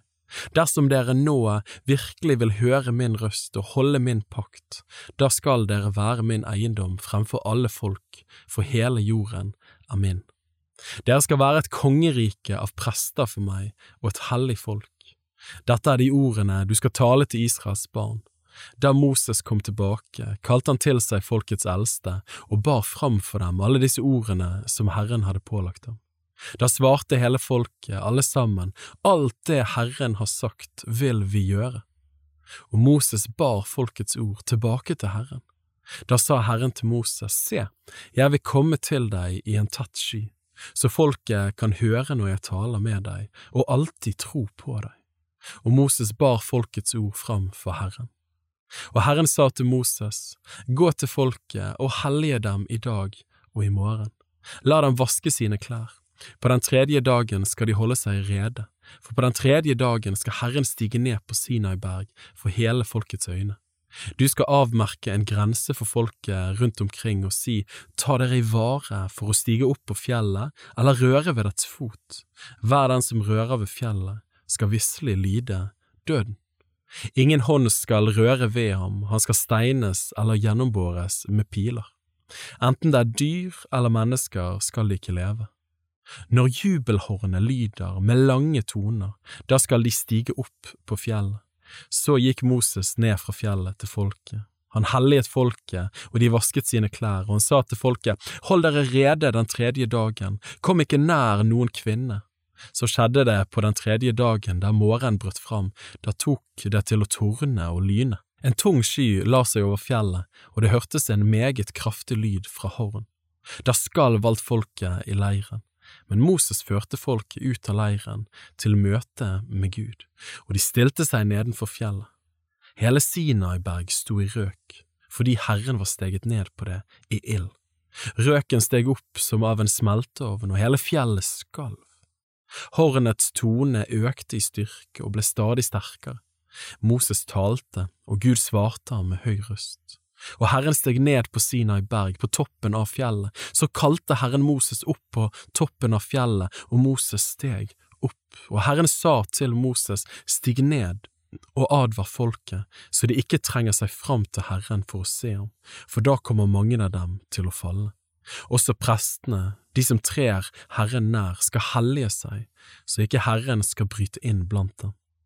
Da sa Moses til Herren, folket kan ikke stige opp på Sinai berg, du har selv advart oss og sagt at vi skulle avmerke en grense om fjellet og hellige det. Men Herren sa til ham, gå ned og kom så opp igjen, du og Aron. Men prestene og folket må ikke trenge seg fram og stige opp til Herren for at han ikke skal bryte inn blant dem. Da steg Moses ned til folket og sa det til dem. Kapittel 20 Da talte Gud alle disse ord og sa, Jeg er Herren din Gud, som førte deg ut av landet Egypt, av trellehuset. Du skal ikke ha andre guder enn meg. Du skal ikke tilbe dem og ikke tjene dem, for jeg, Herren din Gud, er en nidkjær Gud, som hjemsøker fedres misgjerninger på barn inntil tredje og fjerde ledd, på dem som hater meg, og som gjør miskunn gjennom tusen ledd mot dem som elsker meg og holder mine bud. Du skal ikke misbruke Herren din Guds navn, for Herren vil ikke holde den uskyldig som misbruker hans navn. Kom hviledagen i hu, så du holder den hellig. Seks dager skal du arbeide og gjøre all din gjerning, men den tjuende dagen er sabbat for Herren, din Gud. Da skal du ikke gjøre noe arbeid, hverken du selv eller din sønn eller din datter, hverken din trell eller din trellekvinne, eller ditt fe eller den fremmede som er hos deg innenfor dine porter, for på seks dager gjorde Herren himmel og jorden, havet og alt det som i dem er, og han hvilte på den tjuende dagen. Derfor velsignet Herren sabbatsdagen og helliget den. Hedre din far og din mor, så dine dager må bli mange i det landet Herren din Gud gir deg. Du skal ikke slå i hjel. Du skal ikke bryte ekteskapet. Du skal ikke stjele. Du skal ikke si falskt vitnesbyrd mot din neste. Du skal ikke begjære din nestes hus. Du skal ikke begjære din nestes hustru, hans tjener eller tjenestekvinne, hans okse eller esel eller noe annet som hører din neste til. Hele folket så røstene og ildtungene og tonen fra horn og fjellet i røk, og da folket så og hørte dette, skalv de og holdt seg langt borte. Og de sa til Moses, Tal du til oss, så vil vi høre, men la ikke Gud tale til oss for at vi ikke skal dø. Da sa Moses til folket, Frykt ikke, Gud er kommet for å prøve dere, og for at frykt for ham skal være over dere, så dere ikke synder. Så ble folket stående langt borte, men Moses gikk nær til mørket hvor Gud var. Og Herren sa til Moses, så skal du si til Israels barn, dere har sett hvordan jeg talte til dere fra himmelen. Dere skal ikke gjøre dere noen gud ved siden av meg. Guder av sølv eller guder av gull skal dere ikke lage dere, et alter av jord skal du gjøre meg. På det skal du ofre dine brennoffer og dine fredsoffer, ditt småfe og ditt storfe, på hvert sted hvor jeg lar mitt navn minnes, skal jeg komme til deg og velsigne deg. Men vil du gjøre et alter av stein for meg, da skal du ikke bygge det av hoggen stein. For bruker du din meisel på steinene, så vanhelliger du dem. Du skal ikke gå opp til mitt alter på trapper, for at ikke din nakenhet skal blottes over det. Kapittel 21 Dette er de lover du skal legge fram for dem. Når du kjøper en hebraisk trell, skal han tjene i seks år, men i det tjuende året skal han gis fri uten vederlag. Er han enslig når han kommer, skal han dra enslig bort. Dersom han er en gift mann, da skal hans hustru gå bort med ham. Dersom Hans Herre gir ham en hustru og hun føder ham sønner eller døtre, da skal hustruen og barna høre hennes herre til, og han skal gå enslig bort. Men dersom træl sier, Jeg holder av min herre, min hustru og mine barn, jeg vil ikke være fri og gå bort, da skal hans herre føre ham fram for Gud og stille ham ved døren eller ved dørstolpen, og hans herre skal stikke en syl gjennom øret hans, og han skal tjene ham for alltid. Når en mann selger sin datter som trellkvinne, da skal hun ikke gis fri som trelle. Dersom hun mishager sin herre, som hadde pekt henne ut for seg selv, da skal han la henne kjøpes fri. Han skal ikke ha rett til å selge henne til et fremmed folk, for han har vært troløs mot henne. Dersom han peker ut henne for sønnen sin, da skal han la henne ha døtres vanlige rett. Dersom han lar sønnen få en annen hustru ved siden av henne, skal det ikke avkortes noe når det gjelder mat, klær eller ekteskapelig omgang. Dersom han ikke lar henne få disse tre ting, da skal hun gis fri for intet, uten betaling. Den som slår en mann så han dør, skal visselig lide døden. Men hvis han ikke har stått mannen etter livet, men det er Gud som har styrt hans hånd, da vil jeg fastsette et tilfluktssted for ham. Men om noen med overlegg dreper sin neste med svik, da skal du ta ham, om det så er fra mitt alter, han skal dø. Den som slår sin far eller sin mor, skal dø. Den som stjeler et menneske og selger ham eller holder ham fanget, skal dø. Den som forbanner sin far eller sin mor, skal dø. Når menn kommer i trette og den ene slår den andre med en stein eller med neven og han ikke dør, men blir sengeliggende, dersom han da kommer opp igjen og går ute med stokk, da skal den som slo, være fri for straff, men han skal gi ham vederlag for den tid han har tapt, og sørge for at han blir fullt frisk. Når en mann slår sin trell eller trellkvinne med en stokk så de dør under hans hånd, da skal han straffes for det. Men dersom trælen blir i live en eller to dager, skal han ikke straffes, siden han er hans eiendom. Når menn kommer i slagsmål med hverandre og støter til en svanger kvinne så hennes barn blir født, men ingen ulykke skjer, da skal den som gjorde det, gi den bot som kvinnens mann pålegger ham. Han skal gi etter dommeres skjønn.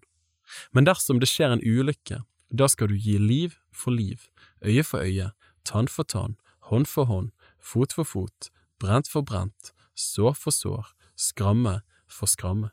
Når en mann slår sin trell eller trellkvinne i øyet så det blir ødelagt, da skal han til vederlag for øyet gi dem fri.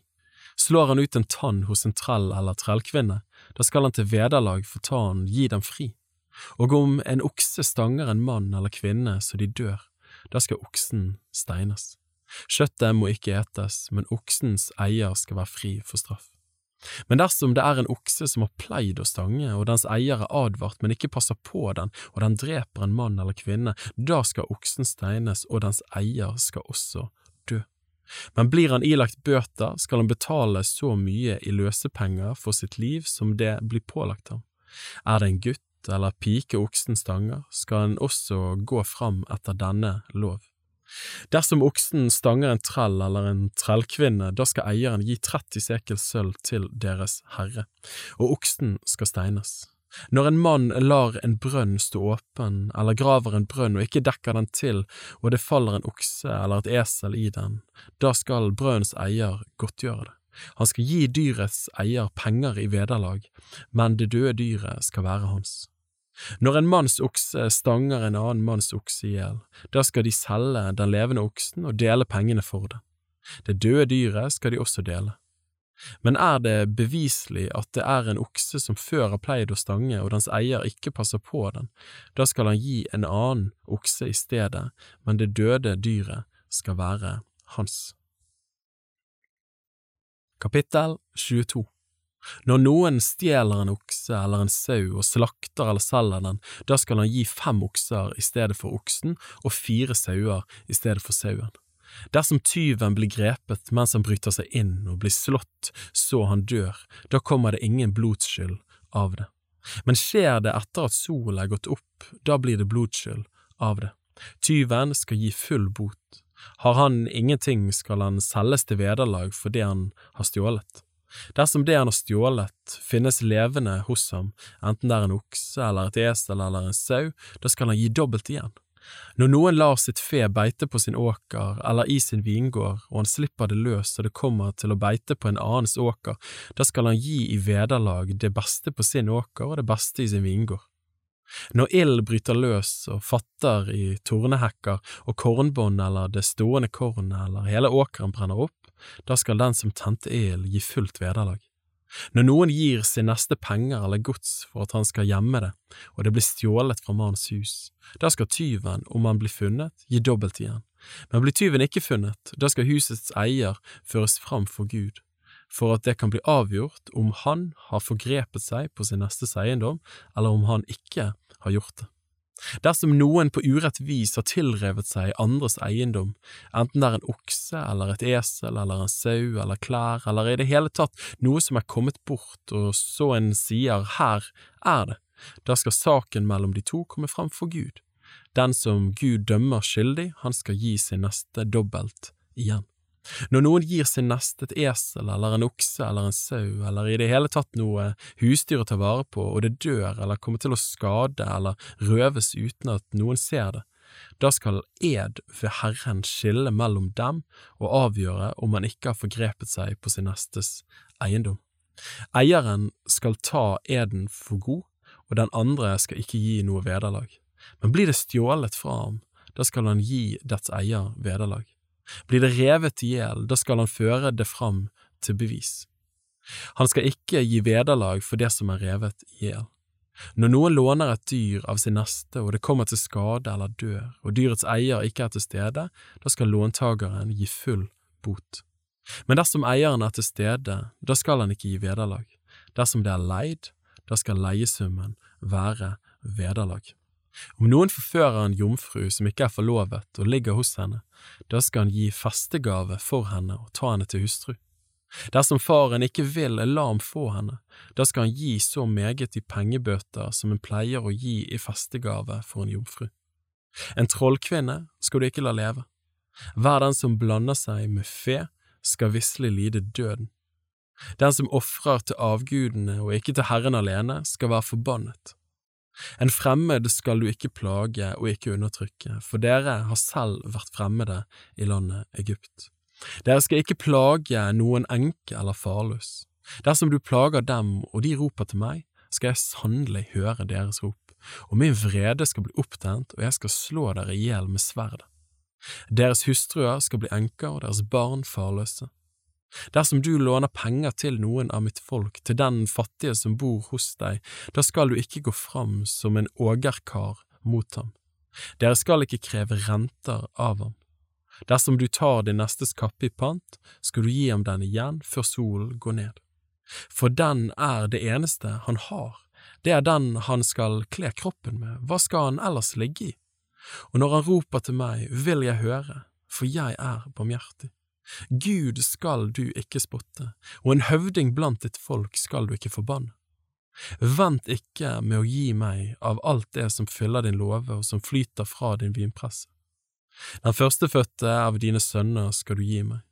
Det samme skal du gjøre med ditt storfe og ditt småfe. Sju dager skal det være hos moren, men den åttende dagen skal du gi meg det. Dere skal være hellige mennesker for meg. Dere skal ikke ete kjøtt av ihjelrevne dyr som dere finner på marken, det skal dere kaste for høne. Kapittel 23 Du skal ikke utbre falskt rykte. Du skal ikke gjøre felles sak med den ugudelige så du blir et urettferdig vitne. Du skal ikke følge mengden i det som er ondt, og du skal ikke vitne slik i en rettssak at du bøyer deg etter mengden og gjør rett til urett. Heller ikke fattig manns sak skal du pynte på. Når du treffer din fiendes okse eller hans esel som har gått seg vill, da skal du føre dem tilbake til ham. Når du ser din fiendes esel ligge under sin byrde, da vokt deg for å gå fra ham. Du skal hjelpe ham med å lesse av. Du skal ikke i noen sak bøye retten for den fattige som bor hos deg. Du skal holde deg langt borte fra en falsk sak, og ikke hjelpe til at den uskyldige og rettferdige mister livet. For jeg dømmer ikke en skyldig å være uskyldig. Du skal ikke ta imot gave, for bestikkelse gjør den seende blind og ødelegger saken for dem som har rett. En fremmed skal du ikke undertrykke, dere vet jo hvordan den fremmede er til mote. Dere var selv fremmede i landet Egypt. Seks år skal du tilså ditt land og høste grøden, men i det tjuende året skal du la det hvile og ligge, så de fattige blant ditt folk kan ete av det. Og det de lar ligge, kan markens dyr ete. Det samme skal du gjøre med din vingård og dine oljetrær. Seks dager skal du gjøre din gjerning, men på den tjuende dagen skal du hvile, slik at din okse og ditt esel kan ha ro, og din trellkvinnes sønn og den fremmede får hvile seg ut. I alt det jeg har sagt dere, skal dere ta dere i vare. Andre guders navn skal dere ikke nevne, slikt skal ikke høres av din munn. Tre ganger om året skal du holde høytid for meg.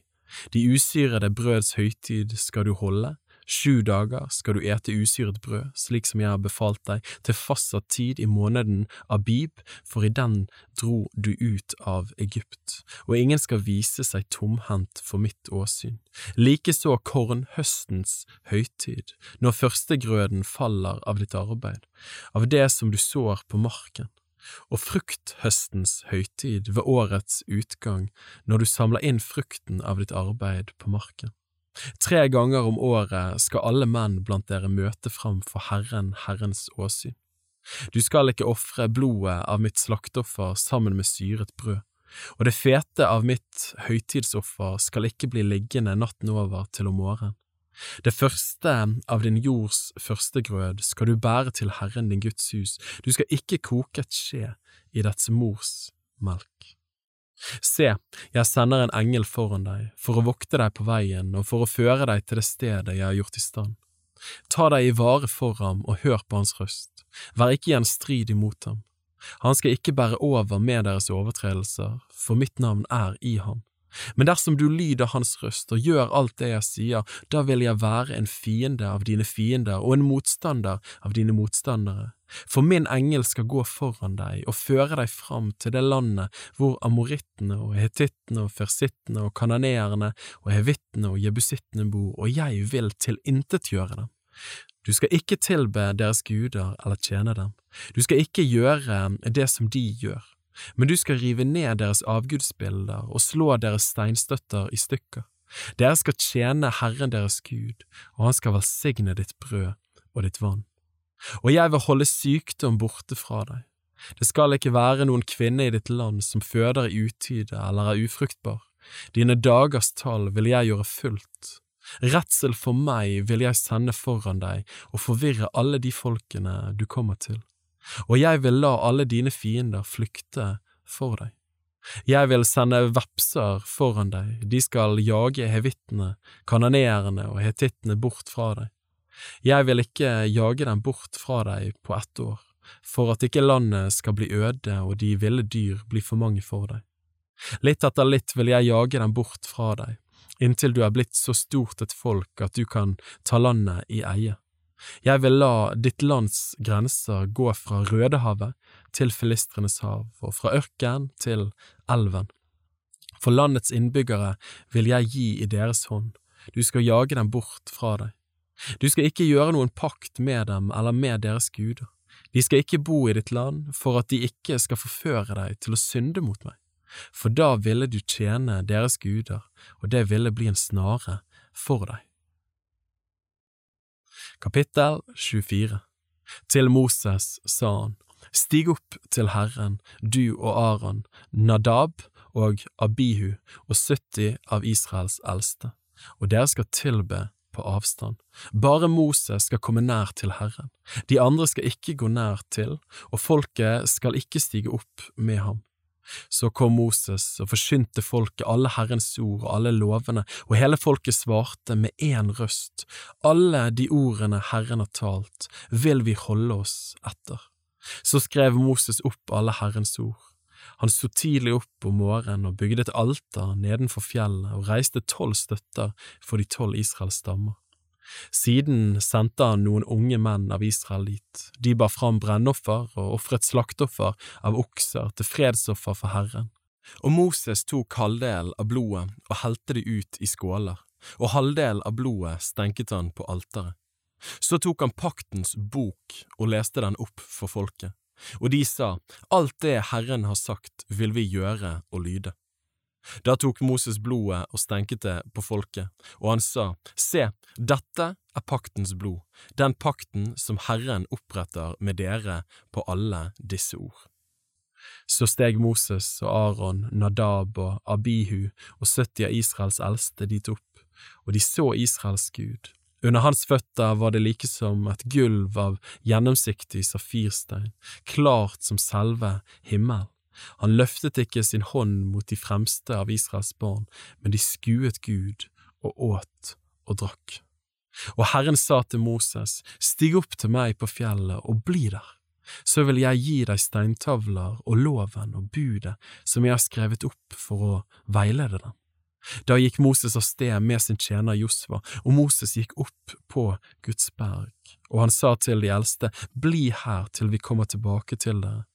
Aron og Hur er jo hos dere, den som har en rettssak kan gå til dem. Så steg Moses opp på fjellet, og skyen skjulte fjellet, og Herrens herlighet hvilte på Sinai berg.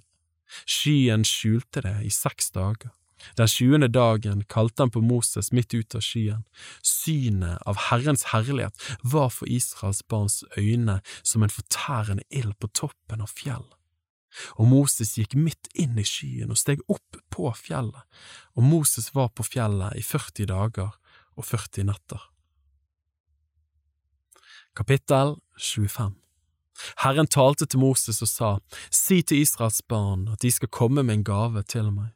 Fra hver mann som har hjertelag til det, skal dere ta imot gaven til meg.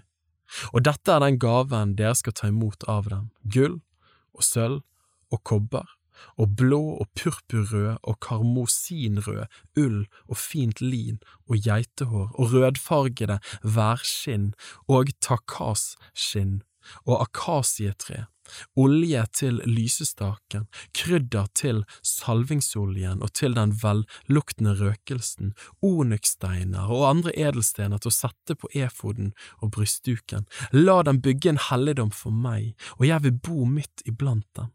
Tabernakel og alt som hører til det, skal dere i alle måter lage etter det bildet jeg vil vise deg.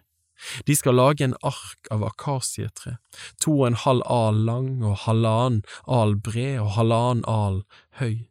Den skal du kle med rent gull, både innvendig og utvendig skal du kle den med gull, og du skal lage en gullkrans på den rundt omkring.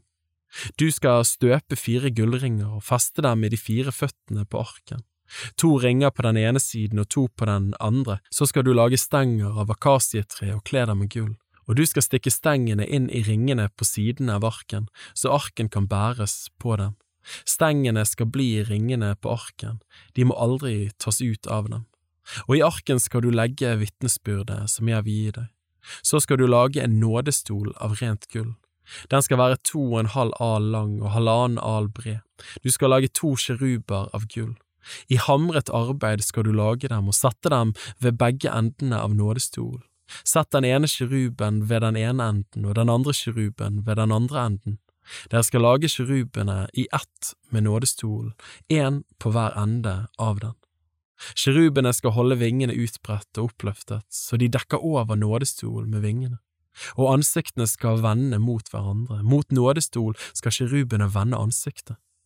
Så skal du sette nådestolen oppå arken og i arken skal du legge vitnesbyrdet som jeg vil gi deg. Og jeg vil komme sammen med deg der, fra nådestolen mellom begge kirubene som er på vitnesbyrdets ark, der vil jeg tale med deg om alt det jeg vil pålegge deg å si til Israels barn. Så skal du lage et bord av akasietre, to al langt og en al bredt og halvannen al høyt.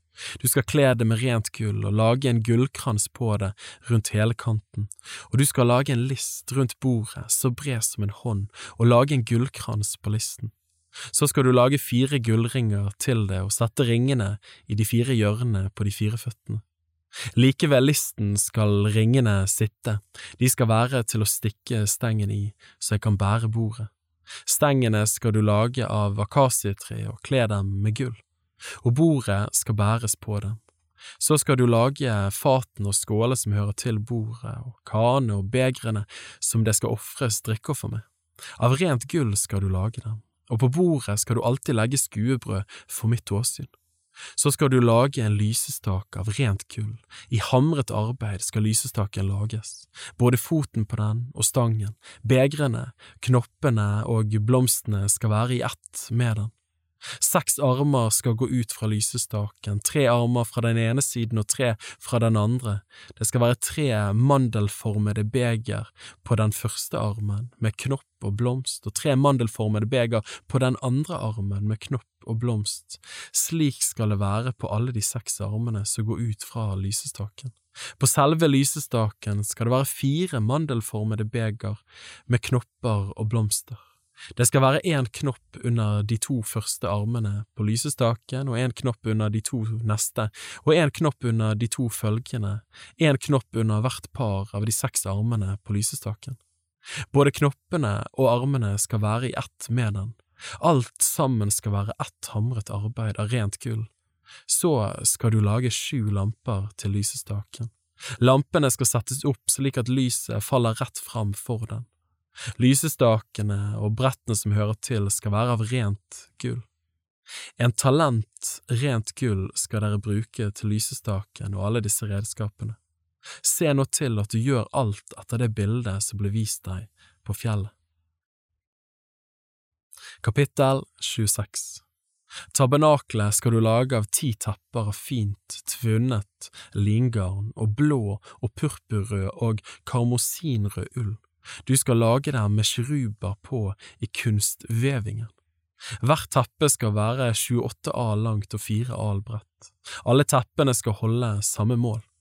Fem av teppene skal festes sammen, det ene til det andre, likeså de andre fem teppene, og du skal lage hemper av blå ull i kanten på det ene teppet, ytterst der hvor de skal festes sammen, likeså i kanten på det ytterste teppet, der den andre sammenføyingen skal være.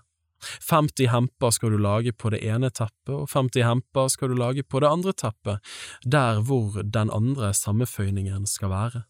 Hempene skal være like mot hverandre, den ene mot den andre, og du skal lage 50 gullkroker og feste teppene til hverandre med krokene så tabernakelet blir ett sammenhengende telt. Så skal du lage tepper av geithår til å dekke over tabernakelet, elleve slike tepper skal du lage. Hvert teppe skal være 30 al langt og 4 al bredt. Alle de elleve teppene skal holde samme mål og du skal feste fem av teppene sammen for seg og seks for seg, og du skal legge det sjette teppet dobbelt på fremsiden av dekket. Du skal lage 50 hemper i kanten av det ene teppet, ytterst der hvor de skal festes sammen. Likeså skal du lage 50 hemper i kanten på det andre teppet, der hvor de skal festes sammen. Og du skal lage 50 kobberkroker og hekte krokene inn i hempene og du skal feste teppene sammen så de blir ett dekke. Men det overskytende av dekketeppene, det halve teppet som er til overs, skal henge ned på baksiden av tabernaklet. Dekketeppene på hver av sidene er én al for lange, de skal henge ned på begge sider av tabernaklet for å dekke det. Over dekket skal du lage et varetak av rødfarget værskinn, og over det et varetak av takasskinn. Plankene til tabernaklet skal du lage av akasietre, de skal reises på ende. Hver planke skal være ti al lang og halvannen al bred.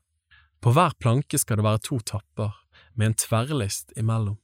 Slik skal du gjøre med alle plankene til tabernaklet. Og av plankene som du skal lage til tabernaklet, skal du reise 20 planker på den siden som vender mot sør, og 40 fotstykker av sølv skal du lage til å sette under de 20 plankene, to fotstykker under hver planke til å feste begge tappene i. Likeså skal du til den andre siden av tabernakelet som vender mot nord, lage 20 planker, og til dem 40 fotstykker av sølv, to fotstykker under hver planke. Til baksiden av tabernakelet mot vest skal du lage seks planker, og to planker skal du lage til tabernakelets hjørner på baksiden. De skal være doble nedenfra, og likeledes begge være doble helt opp til den første ringen. Slik skal det være med dem begge. De skal stå i hver sitt hjørne. Slik blir det åtte planker med sine fotstykker av sølv, 16 fotstykker, to under hver planke. Så skal du lage tverrstenger av akasietre, fem til plankene på den ene siden av tabernakelet og fem til plankene på den andre siden og fem til plankene på baksiden av tabernakelet mot vest. Og den mellomste tverrstangen, den som er midt på plankeveggen, skal gå tvers over fra den ene enden til den andre. Plankene skal du kle med gull og ringene på dem, som tverrstengene skal stikkes inn i, skal du lage av gull. Tverrstengene skal du også kle med gull. Du skal reise tabernaklet på den rette måten, slik som det ble vist deg på fjellet. Så skal du lage et forheng av blå, purpurrød og karmosinrød ull og fint tvunnet lingarn. Det skal lages i kunstveving med sjeruber på og du skal henge det på fire gullkledde stolper av akasietre som det er gullhaker på, som står på fire fotstykker av sølv. Du skal henge forhenget under krokene og føre vitnesbyrdets ark dit og sette den innenfor forhenget, og forhenget skal være for dere en skillevegg mellom det hellige og det aller helligste. Du skal sette nådestol oppå vitnesbyrdets ark i det aller helligste. Du skal sette bordet utenfor forhenget, og lysestaken midt imot bordet ved den søndre siden av tabernaklet. Bordet skal du sette ved den nordre siden. Til teltdøren skal du lage et teppe av blå, purpurrød og karmosinrød ull og fint tvunnet lingarn med brodert arbeid. Og du skal lage fem stolper av akasietre til teppet og kle dem med gull. Hakene på dem skal være av gull, og du skal støpe fem fotstykker av kobber til dem. Kapittel 27 Du skal lage et alter av akasietre. Det skal være fem al langt og fem al bredt. Firkantet skal alteret være og tre al høyt. Og du skal lage et horn på hver av de fire hjørnene, og hornet skal være i ett med alteret og du skal kle alteret med kobber. Så skal du lage bøttene som asken skal bæres bort i, og ildskuffene og skålene til å stenke blod med, og kjøttgaflene og fyrfatene. Alle disse redskapene skal du lage av kobber. Til alteret skal du lage et gitter, et nettverk av kobber, og på nettet skal du lage fire kobberringer, én på hvert hjørne. Gitteret skal settes nederst under listen på alteret, så det rekker til midten på alteret. Så skal du lage stenger til alteret, stenger av akasietre, og du skal kle dem med kobber. Stengene skal stikkes inn i ringene, så de er på begge sider av alteret når det blir båret. Alteret skal du lage av bord, det skal være hult, som det ble vist deg på fjellet, slik skal det gjøres. Så skal du lage en forgård til tabernaklet. På den siden som vender mot sør, skal det være et omheng om forgården av fint, tvunnet lingarn, hundre a langt på den ene siden. Til omhenget skal det være tjue stolper med fotstykker av kobber. Hakene på stolpene og stengene til dem skal være av sølv. Likeså skal det på den nordre langsiden være et omheng, hundre al langt og det skal være 20 stolper til det, og til stolpene 20 fotstykker av kobber. Hakene på stolpene og stengene til dem skal være av sølv. På den ene tverrsiden av forgården mot vest skal det være et omheng på 50 al. Det skal være ti stolper til det, og til stolpene ti fotstykker. På den andre tverrsiden, som vender mot øst, skal forgården også holde 50 al i bredden. Så skal det være 15 al omheng til den ene kanten med tre stolper og tre fotstykker til dem, og på den andre kanten 15 al omheng med tre stolper og tre fotstykker til dem. I porten til forgården skal det være et forheng 20 al langt, av blå, purpurrød og karmosinrød ull og fint tvunnet lingarn med kunstsøm med fire stolper og fire fotstykker til dem. Alle stolpene omkring forgården skal være bundet sammen med stenger av sølv. Hakene på dem skal være av sølv og fotstykkene under dem av kobber. Lengden på forgården skal være 100 al og bredden overalt 50 al. Omhenget skal være fem al høyt, og det skal være av fint tvunnet lingarn. Fotstykkene til det skal være av kobber. Alle arbeidsredskapene i tabernaklet og alle pluggene både til tabernaklet og til forgården skal være av kobber. Og du skal befale Israels barn at de skal la deg få ren olje av knuste oliven til lysestaken, så lampene alltid kan holdes brennende. I sammenkomstens telt utenfor forhenget som henger foran vitnesbyrdet, skal Aron og hans sønner holde lampene i stand fra kveld til morgen for Herrens åsyn. Det skal være en evig gyldig lov for Israels barn, fra slekt til slekt. Kapittel 28 Så skal du kalle din bror Aron og hans sønner fram til deg, ut fra Israels sønners flokk, og du skal innsette dem til prester for meg, Aron og Nadab, og Abihu og Eleasar, og Itamar, Arons sønner. Du skal lage hellige klær for Aron, din bror, til ære og til pryd. Du skal si til alle dem som forstår seg på kunst, alle som jeg har fylt med kunstnerånd, at de skal lage de klærne som Aron skal bære, for at han kan helliges til å tjene meg som prest. Dette er de klærne som de skal lage, en brystduk og en efod, og en ytterkappe og en rutet kappe, en lue og et belte, hellige klær skal de lage til Aron din bror og til hans sønner, så han kan tjene meg som prest. De skal ta gullet og den blå og den purpurrøde og den karmosinrøde øl og det fine lingarnet, og de skal lage efoden av gull, av blå og purpurrød og karmosinrød ull og av fint, tvunnet lingarn. Kunsthåndverk skal det være. Den skal ha to skulderstykker som kan festes til hverandre, ett i hver ende slik at den kan hektes sammen og beltet som hører til og holder den sammen skal være av samme slags veving og i ett med den, av gull og av blå og purpurrød og karmosinrød ull og av fint vunnet lingarn. Og du skal ta to onykssteiner, og på dem skal du gravere inn navnet på Israels barn. Det skal være seks navn på den ene steinen og de andre seks navnene på den andre etter alderen. La navnet på Israels barn bli inngravert på de to steinene slik som en håndverker graverer i stein og skjærer ut et signet, og du skal sette dem inn i et flettverk av gull. Du skal feste begge steinene på efodens skulderstykker for at de skal minne om Israels barn. Og når Aron står for Herrens åsyn, skal han bære deres navn på begge sine skuldre for å minne om dem. Så skal du lage flettverk av gull og to skjeder av rent gull. De skal være tvunnet slik som en tvinner snorer. Disse skjedene skal du feste til flettverkene, så skal du lage en domsbrystduk, kunsthåndverk skal det være, i samme slags veving som efoden. Den skal du lage av gull og av blå og purpurrød og karmosinrød ull og av fint tvunnet lingarn. Den skal være firkantet og lagt dobbelt, ett spann lang og ett spann bred og på den skal du sette fire rader med innfattede steiner. I én rad skal det være en karneol, en topas og en smaragd. Det er den første raden. I den andre raden skal det være en karfunkel, en safir og en diamant. I den tredje raden skal det være en hyasint, en agat og en ametyst. I den fjerde raden skal det være en krysolitt og en onyx og en jaspis.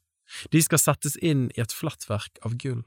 Steinene skal være tolv i tall, etter navnet på Israels sønner, én for hvert navn. På hver stein skal navnet på en av de tolv stammene være inngravert som på et signet. Til brystduken skal du også lage skjeder av rent gull, tvunnet som snorer. Likeså skal du lage to gullringer til brystduken. Dem skal du sette på hver sitt hjørne. Du skal feste de to gullskjedene i de to ringene på hjørnet av brystduken. De to andre endene av de to skjedene skal du feste i de to flettverkene, og så feste dem til efodens skulderstykker på fremsiden. Så skal du lage to andre gullringer og sette dem på de to andre hjørnene av brystduken på innersiden, den som vender inn mot efoden. Og du skal lage to gullringer til og sette dem på efodens to skulderstykker nederst på fremsiden, der hvor den festes sammen ovenfor beltet på efoden. Så skal ringene på brystduken bindes til ringene på efoden med en snor av blå ull, så brystduken kommer til å sitte ovenfor efodens belte, slik at den ikke kan skilles fra efoden. Og når Aron går inn i helligdommen, skal han bære navnet på Israels barn i domsbrystduken på sitt hjerte, slik skal han alltid minne om dem for Herrens åsyn. I domsbrystduken skal du legge urim og tumim. De skal ligge ved Arons hjerte når han går inn for Herrens åsyn, så Aron alltid skal bære Israels barns dom på sitt hjerte for Herrens åsyn. Ytterkappen som hører til efoden, skal du lage helt gjennom av blå ull. Midt på den skal det være en åpning for hodet, og rundt omkring åpningen skal det være en vevd bord, like som åpningen på en brynje, for at den ikke skal bli revet i stykker. På kanten nederst skal du sette granatepler av blå, purpurrød og karmosinrød ull, og blant dem skal det være gullbjeller rundt omkring. Først skal det være en gullbjelle og et granateple, og så igjen en gullbjelle og et granateple, slik skal det være rundt hele den nederste kanten på ytterkappen. Aron skal ha den på seg hver gang han gjør tjeneste, så lyden av den kan høres når han går inn i helligdommen for Herrens åsyn, og når han går ut for at han ikke skal dø. Så skal du lage en plate av rent gull og gravere inn på den slik som en graverer inn et signet, hellighet, Herren. Du skal feste den til en snor av blå ull, og den skal sitte på luen, på fremsiden av luen skal den sitte. Over Arons panne skal den sitte, så Aron kan bære den synd som henger ved de hellige ting som Israels barn vier til Herren, alle de hellige gavene de bærer fram. Den skal alltid sitte over hans panne, for at gavene kan finne velbehag for Herrens åsyn. Så skal du veve en rutet kappe av fint lin og lage en lue av fint lin og et belte i ekte kunsthåndverk. Og til Arons sønner skal du lage kapper. Du skal lage belter til dem, og du skal lage høye luer til dem, som skal være til ære og til pryd. Med dette skal du kle Aron din bror og likeså hans sønner, og du skal salve dem og fylle deres hender og hellige dem så de kan tjene meg som prester. Så skal du lage benklær av lerret for dem, så de kan skjule sin nakenhet. De skal dekke kroppen deres fra hoftene ned på lårene. Dem skal Aron og hans sønner ha på seg når de går inn i sammenkomstens telt, eller når de trer fram til alteret for å gjøre tjeneste i helligdommen, så de ikke skal føre skyld over seg og dø. Dette skal være en evig lov for ham og hans ett etter ham. Kapittel 29 dette skal du gjøre med dem for å hellige dem til å tjene meg som prester. Ta en ung okse og to værer som er uten lyte, og usyret brød og usyrede kaker med olje i, og usyrede, tynne brødleiver smurt med olje, av fint hvetemel skal du lage dem. Og du skal legge dem i en kurv og bære dem fram i kurven og lede fram oksen og de to værene. Så skal du føre Aron og hans sønner fram til inngangen til sammenkomstens telt, og du skal vaske dem med vann. Du skal ta klærne og kle Aron i kappen og ytterkappen som hører til efoden, og efoden og brystduken, og binde efodens belte om ham, og sette luen på hans hode og feste det hellige hodesmykket på luen. Og du skal ta salvingsoljen og helle ut over hans hode og salve ham. Så skal du føre hans sønner fram og kle dem i kappen, spenne beltet om dem, både om Aron og hans sønner, og binde de høye luene på dem.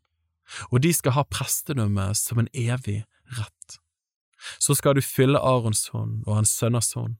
Du skal lede oksen fram foran sammenkomstens telt, og Aron og hans sønner skal legge sine hender på oksens hode, og du skal slakte oksen for Herrens åsyn ved inngangen til sammenkomstens telt. Så skal du ta av oksens blod og stryke på alterhornet med din finger. Resten av blodet skal du helle ut for alterets fot. Du skal ta alt fettet som dekker innvollene, den store leverlappen og begge nyrene med fettet som er på dem, og du skal brenne det på alteret. Men kjøttet av oksen og huden og mageinnholdet skal du brenne opp med ild utenfor leiren, det er et syndoffer. Så skal du ta den ene væren, og Aron og hans sønner skal legge sine hender på værens hode. Og du skal slakte væren og ta blodet og stenke rundt om på alteret. Men væren selv skal du skjære opp i stykker. Du skal vaske innvollene og føttene og legge dem oppå stykkene og hodet. Og du skal brenne hele væren på alteret. Det er et brennoffer for Herren, en velbehagelig duft, det er et ildoffer for Herren. Så skal du ta den andre væren, og Aron og hans sønner skal legge sine hender på dens hode. Og du skal slakte væren og ta av blod og stryke på den høyre ørelappen på Aron og hans sønner, og på tommelfingeren på deres høyre hånd og på stortåen på deres høyre fot. Resten av blodet skal du stenke rundt om på alteret. Du skal ta av blodet som er på alteret, og av salvingsoljen, og stenke på Aron og på hans klær, og likeså på hans sønner og på deres klær. Så blir han hellig, han selv og hans klær, og likeså hans sønner og deres klær. Og du skal ta de fete delene på væren, både fetthal og fettet som dekker innvollene, den store leverlappen og begge nyrene og fettet på dem og det høyre låret, for dette er innvielsesværen. Ta så et rundt brød og en oljekake og en tynn brødleiv fra kurvene med usyret brød som står for Herrens åsyn. Alt dette skal du legge i hendene til Aron og hans sønner, og du skal svinge det for Herrens åsyn. Så skal du ta det av deres hånd og brenne det på alteret sammen med brennofferet til en velbehagelig duft for Herrens åsyn. Det er et ildoffer for Herren. Deretter skal du ta brystet av Arons innvielsesvær og svinge det for Herrens åsyn. Det skal være din del, og du skal hellige svingebrystet og løftelåret, det som svinges og det som løftes av Arons og hans sønners innvielsesvær. Dette skal være en rettighet for Aron og hans sønner hos Israels barn til levetid, for det er en gave, en gave som Israels barn skal gi av sine fredsoffer, en gave fra dem til Herren. De hellige klær som Aron har, skal hans sønner ha etter ham. Dem skal de ha på når de blir salvet og viet til prester. I sju dager skal den av hans sønner som blir prest i hans sted, bære disse klærne, han som skal gå inn i sammenkomstens telt for å gjøre tjeneste i helligdommen. Så skal du ta innvielsesværen og koke kjøttet på et hellig sted. Og Aron og hans sønner skal ete kjøttet av væren og brødet som er i kurven ved inngangen til sammenkomstens telt. De skal ete dette soningsofferet, det som bæres fram når de innvies til prester og helliges men en uinnviet skal ikke ete det, for det er hellig. Dersom det blir noe til overs av innvielseskjøttet eller brødet til om morgenen, da skal du brenne opp det som er til overs, det skal ikke etes, for det er hellig. Slik skal du gjøre med Aron og hans sønner, i ett og alt slik jeg har befalt deg. Sju dager skal deres innvielse vare. Du skal hver dag ofre en okse som syndoffer til soning og du skal rense alteret fra synd i det du gjør soning for det, og du skal salve det for å hellige det. I sju dager skal du gjøre soning for alteret og hellige det, og da skal alteret være høyhellig. Hver den som rører ved alteret, blir hellig. Dette er det du alltid skal ofre på alteret, hver dag to årsgamle lam. Det ene lammet skal du ofre om morgenen, og det andre lammet skal du ofre mellom de to aftenstuene. Sammen med det første lammet skal du ofre tiendedel av en efa fint mel, blandet med fjerdedel av en hin olje av knuste oliven, og til drikkeofferet fjerdedel av en hin vin. Det andre lammet skal du ofre mellom de to aftenstuene, med det samme matofferet som om morgenen, og med det samme drikkeofferet skal du ofre det. Det skal være til en velbehagelig duft, et ildoffer for Herren. Dette skal være et stadig brennoffer hos deres etterkommere. Det skal bæres fram for Herrens åsyn ved inngangen til sammenkomstens telt, der hvor jeg vil komme sammen med dere for å tale til dere. Der vil jeg komme sammen med Israels barn, og teltet skal helliges ved min herlighet. Jeg vil hellige sammenkomstens telt og alteret, og Aron og hans sønner vil jeg hellige til å tjene meg som prester. Jeg vil bo midt iblant Israels barn, og jeg vil være deres Gud. Og de skal kjenne at jeg er Herren deres Gud, som førte dem ut av landet Egypt, for å bo midt iblant dem. Jeg er Herren deres Gud. Kapittel 30 Så skal du lage et alter til å brenne røkelse på. Av akasietre skal du lage det. Det skal være én al langt og én al bredt, firkantet og to al høyt, hornet på det skal være i ett med alteret. Du skal kle det med rent gull både ovenpå og på sidene rundt omkring og på hornet, og du skal lage en gullkrans på det rundt omkring. Du skal lage to gullringer til det og sette dem nedenfor kransen. På begge sider av alteret skal du sette dem, to på hver side. De skal være til å stikke stenger i, så alteret kan bæres med dem. Stengene skal du lage av akasietre og kle dem med gull. Du skal sette alteret foran forhenget som henger foran vitnesbyrdets ark, foran nådestolen som er over vitnesbyrdet, der hvor jeg vil komme sammen med deg. Og Aron skal brenne velluktende røkelse på alteret. Hver morgen når han steller lampene, skal han brenne den og når han setter lampene opp mellom de to aftenstuene, skal han også brenne røkelse. Det skal være et stadig røkoffer for Herrens åsyn hos deres etterkommere. Dere skal ikke ofre fremmed røkelse på alteret. Dere skal heller ikke ofre brennoffer eller matoffer der, og dere skal ikke helle ut drikkeoffer på det. En gang om året skal Aron gjøre soning på alterhårene. Med blodet av soningssyndofferet skal han en gang om året gjøre soning på det, slekt etter slekt. Det er høyhellig for Herren. Og Herren talte til Moses og sa, Når du holder manntall over Israels barn, da skal alle de som kommer med i manntallet, gi Herren løsepenger for sitt liv når de telles, så det ikke skal komme noen ulykke over dem fordi de telles. Dette skal hver gi som kommer med i manntallet en halv sekel etter helligdommens vekt, sekel er 20 gera. Denne halve sekel er en gave til Herren. Hver den som kommer med i manntallet fra 20-årsalderen og oppover, skal gi denne gaven til Herren. Den rike skal ikke gi mer, og den fattige ikke mindre enn en halv sekel når dere gir gaven til Herren som løsepenger for deres liv.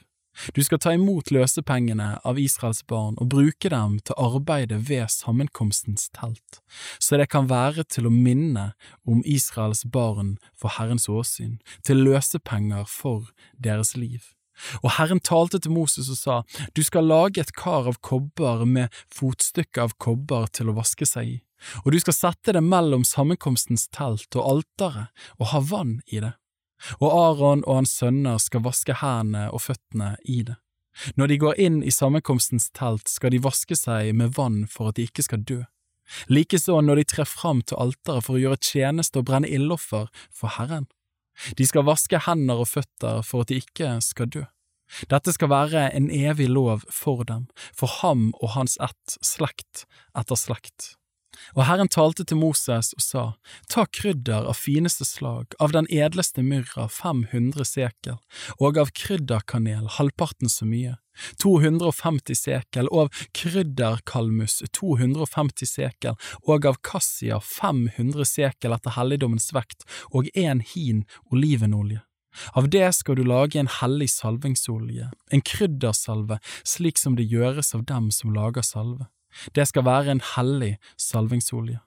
Med den skal du salve sammenkomstens telt og vitnesbyrdets ark, og bordet med alt som hører til det, og lysestaken med alt det som hører til den, og røkofferalteret og brennofferalteret med alt som hører til, og karet med sitt fotstykke. Og du skal hellige dem så de blir høyhellige. Hver den som rører ved dem skal være hellig. Du skal salve Aron og hans sønner, og du skal hellige dem til å tjene meg som prester, og du skal tale til Israels barn og si, Dette skal være min hellige salvingsolje for dere, slekt etter slekt. Den må ikke komme på noe annet menneskes legeme. og dere skal ikke lage noen annen olje som er blandet på denne måten. Hellig er den, hellig skal den være for dere. Den som lager maken til denne kryddersalven, eller som bruker den på en uinnviet, han skal utryddes av sitt folk. Og Herren sa til Moses, ta røkelseskrydderier, velluktende harpiks, balsam, harpiks med sterk lukt, disse tre slags krydder og ren virak det skal være like mye av hvert. Av det skal du lage røkelse, en krydderblanding slik som det gjøres av en salveblander. Den skal være saltet, ren, hellig. Og du skal knuse noe av det smått og legge det foran vitnesbyrdet i sammenkomstens telt, der hvor jeg vil komme sammen med deg. Høyhellig skal det være for dere. Dere må ikke lage røkelse med denne blanding til eget bruk. Hellig for Herren skal den være for deg. Den som lager maken til den for å nyte lukten av den, han skal utryddes av sitt folk. Kapittel 31 Herren talte til Moses og sa, Se, jeg har kalt Besalel, sønn av Uri, Hurs sønn, av Judas stamme og jeg har fylt ham med Guds ånd, med visdom og med forstand og med kunnskap og med dyktighet til all slags arbeid, til å tenke ut kunstverker, til å arbeide i gull og i sølv og i kobber, og til å slipe steiner til innfatning og skjære ut i tre, til å utføre alle slags arbeid. Og se, jeg har gitt ham til medhjelper Oholiab, Akisamaks sønn av Dans stamme, og alle de menn som forstår seg på kunst, har jeg gitt visdom i hjertet, så de kan gjøre alt det jeg har sagt deg. Sammenkomstens telt, vitnesbyrdets ark og nådestol over den og alt som hører teltet til, og bordet med det som hører til, og lysestaken av rent gull med alt som hører til den, og røkofferalteret og brennofferalteret med alt som hører til, og vaskekaret med sitt fotstykke, og embetsdrakten og de hellige klærne til Aron, presten og presteklærne til hans sønner, og salvingsoljen og røkelsen av velluktende krydderier til helligdommen. De skal i ett og alt gjøre slik som jeg har sagt dem. Og Herren sa til Moses, Tal til Israels barn og si, Mine sabbater skal dere holde, for det er et tegn mellom meg og dere fra slekt til slekt, for at dere skal vite at jeg er Herren som helliger dere. Derfor skal dere holde sabbaten, den skal være hellig for dere. Den som vanhelliger den, skal visselig lide døden. Hver den som gjør noe arbeid på den dagen, han skal utryddes av sitt folk. Det er seks dager til å arbeide i, men på den tjuende dagen skal det være høyhellig sabbat, hellig for Herren. Hver den som gjør noe arbeid på sabbatsdagen, skal visselig lide døden.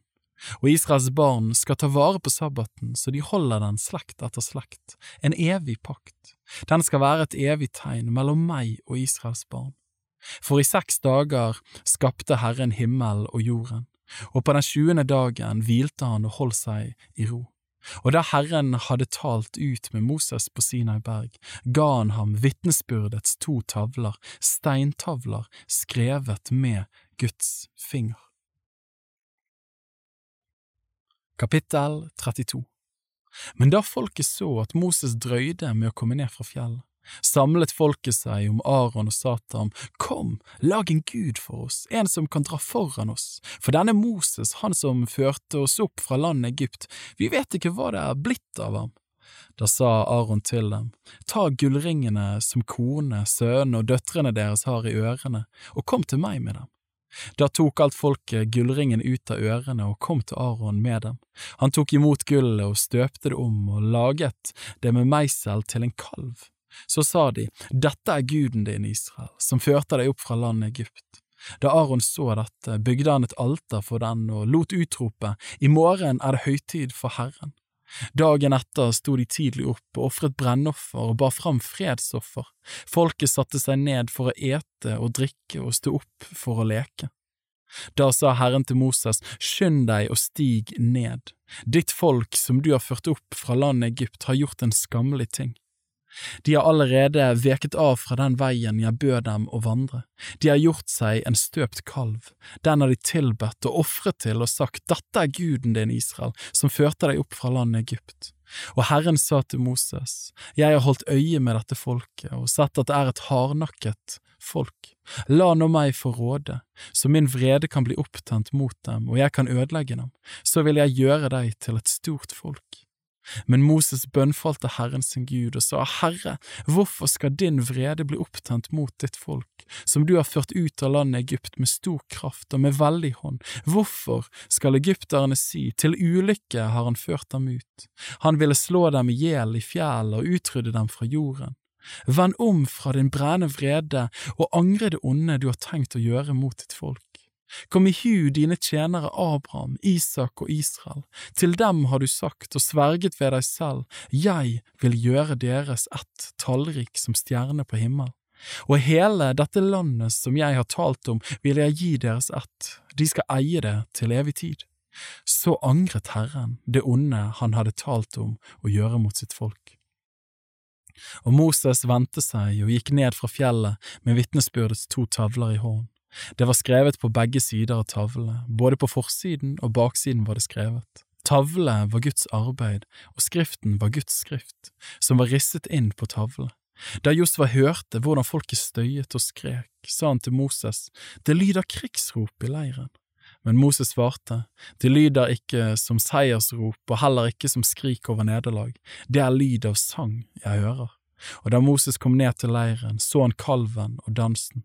Da ble hans vrede opptent, han kastet tavlene fra seg og slo dem i stykker ved foten av fjellet. Så tok han kalven som de hadde laget, han kastet den på elen og knuste den så den ble støv. Støvet strødde han på vannet og ga Israels barn det å drikke. Så sa Moses til Aron, Hva har dette folket gjort deg, siden du har ført så stor en synd over det? Aron svarte, Bli ikke vred, Herre, du vet selv at dette folket ligger i det onde. De sa til meg, lag en gud som kan dra foran oss, for denne Moses, han som førtes opp fra landet Egypt, vi vet ikke hva det er blitt av ham. Da sa jeg til dem, den som har gullsmykker på seg, ta dem av. Så ga de dem til meg, og jeg kastet dem i ilden. Slik ble denne kalven til. Da Moses så at folket var ustyrlig, for Aron hadde sluppet det løs så det ble til spott for sine fiender. Da stilte Moses seg i porten til leiren og sa, Vær den som er på Herrens side, la ham komme hit til meg. Da samlet alle Levis barn seg om ham, og han sa til dem, Så sier Herren Israels Gud, la hver av dere binde sverdet ved siden. Gå så fram og tilbake fra port til port i leiren og slå i hjel hver sin bror og hver sin venn og hver sin nabo. Og Levis barn gjorde som Moses sa. Den dagen falt det omkring 3000 mann av folket. For Moses sa, innvie dere i dag til prester for Herren, for ingen har spart sin sønn eller sin bror. Så skal han i dag gi dere sin velsignelse. Dagen etter sa Moses til folket, dere har gjort en stor synd, nå vil jeg stige opp til Herren, kanskje jeg kunne gjøre soning for deres synd. Så vendte Moses tilbake til Herren og sa, Å, dette folket har gjort en stor synd, de har gjort seg en gud av gull og om du ville forlate dem deres synd, men hvis ikke, da stryk meg ut av din bok som du har skrevet. Da sa Herren til Moses, Vær den som har syndet mot meg, ham vil jeg stryke ut av min bok. Så gå nå og før folket dit jeg har sagt deg. Se, min engel skal gå foran deg, men på min hjemsøkelsesdag vil jeg hjemsøke dem for deres synd. Slik slo Herren folket fordi de hadde laget kalven, den som Aron hadde laget. Kapittel 33 Herren sa til Moses, dra nå bort herfra, både du og det folket som du har ført opp fra landet Egypt, til det landet som jeg med ed har lovt Abraham, Isak og Jakob, da jeg sa, din ett vil jeg gi det. Jeg vil sende en engel foran deg og drive ut kananeerne, amorittene og hetittene og fersittene og hevittene og jebusittene, dra opp til et land som flyter med melk og honning. Jeg vil ikke selv dra opp med deg, for du er et hardnakket folk. Jeg ville da komme til å ødelegge deg på veien. Da folket hørte denne harde talen, sørget de, og ingen tok smykkene sine på seg. For Herren sa til Moses, si til Israels barn, dere er et hardnakket folk. Om jeg så bare for et øyeblikk vandret med deg, så måtte jeg ødelegge deg. Men legg nå dine smykker av deg, så jeg kan vite hva jeg skal gjøre med deg. Da tok Israels barn smykkene sine av og bar dem ikke mer etter at de var dratt fra fjellet Horeb. Men Moses tok et telt og slo det opp utenfor leiren, et godt stykke fra. Han kalte det sammenkomstens telt, og enhver som søkte Herren, gikk ut til sammenkomstens telt utenfor leiren. Hver gang Moses gikk ut til teltet, reiste hele folket seg. De sto hver i døren til sitt telt og så etter Moses til han var kommet inn i teltet. Og når Moses var kommet inn i teltet, da senket skystøtten seg og sto i døren til teltet, og han talte med Moses. Og hele folket så skystøtten stå i døren til teltet, og hele folket reiste seg og bøyde seg hver i døren til sitt telt. Og Herren talte til Moses, ansikt til ansikt, som når en mann taler med sin neste. Så vendte han tilbake til leiren, men hans tjener Josva, Nuns sønn, en ung mann, var alltid i teltet. Og Moses sa til Herren, Se, du sier til meg, før dette folket opp. Men du har ikke latt meg vite hvem du vil sende med meg, ennå du selv har sagt, Jeg kjenner deg ved navn, og du har funnet nåde for mine øyne. Dersom jeg nå har funnet nåde for dine øyne, så lær meg din vei, så jeg kan kjenne deg og finne nåde for dine øyne. Og se, dette folket er ditt folk. Da sa han, Mitt åsyn skal gå med, og jeg vil føre deg til hvile. Men han sa til ham, dersom ditt åsyn ikke går med, da la oss ikke dra opp herfra. Hvordan kan jeg da vite at jeg har funnet nåde for dine øyne, jeg og ditt folk, hvis ikke du går med oss, slik at jeg og ditt folk blir æret fremfor alle folkeslag på jorden? Da sa Herren til Moses, også det du nå ber om, vil jeg gjøre, for du har funnet nåde for mine øyne, og jeg kjenner deg ved navn. Men han sa, La meg da få se din herlighet. Og han sa, Jeg vil la all min godhet gå forbi ditt åsyn, og jeg vil rope ut Herrens navn for ditt åsyn. For jeg vil være nådig mot den som jeg er nådig mot, og miskunne meg over den som jeg miskunner meg over. Og han sa, Du kan ikke se mitt åsyn, for intet menneske kan se meg og leve. Deretter sa Herren, Se, her, tett ved meg er et sted, still deg der på klippen. Og når min herlighet går forbi, vil jeg la deg stå i fjellkløften, og jeg vil dekke med min hånd over deg til jeg er gått forbi. Så vil jeg ta min hånd bort, da kan du se meg bakfra, men mitt åsyn kan ingen se. Kapittel 34 Og Herren sa til Moses, hogg deg ut to steintavler lik de første. Så vil jeg skrive på tavlene de ordene som sto på de første tavlene, dem du slo i stykker. Hold deg så ferdig til i morgen tidlig. Da skal du stige opp på Sinai berg og vente på meg der på toppen av fjellet. Ingen må gå med deg opp, og ingen må vise seg på hele fjellet. Heller ikke må sauer eller okser beite under dette fjellet. Så hogg Moses ut to steintavler lik de første. Han sto tidlig opp om morgenen og steg opp på Sinai berg som Herren hadde befalt ham, og han hadde de to steintavlene i sin hånd. Og Herren steg ned i skyen og stilte seg der hos ham og ropte ut Herrens navn. Herren gikk forbi hans ansikt og ropte, Herren, Herren er en barmhjertig og nådig Gud, langmodig og rik på nåde og sannhet. Han lar miskunn vare gjennom tusen ledd, han forlater misgjerning og overtredelser og synd, men han lar ikke den skyldige være ustraffet. Han hjemsøker fedres misgjerning på barn og på barnebarn inntil tredje og fjerde ledd. Og Moses bøyde seg straks til jorden og tilba. Og han sa, Herre, dersom jeg har funnet nåde for dine øyne, så gå med oss, Herre. For vel er det et hardnakket folk, men du vil jo tilgi oss vår misgjerning og vår synd og gjøre oss til din eiendom. Han svarte, Se, jeg vil gjøre en pakt for hele ditt folks øyne vil jeg gjøre underfulle ting, slik som det ikke har vært maken til på hele jorden eller hos noe folkeslag. Og hele det folket som du lever iblant, skal se Herrens gjerning, hvor forferdelig den er, den som jeg vil gjøre for deg.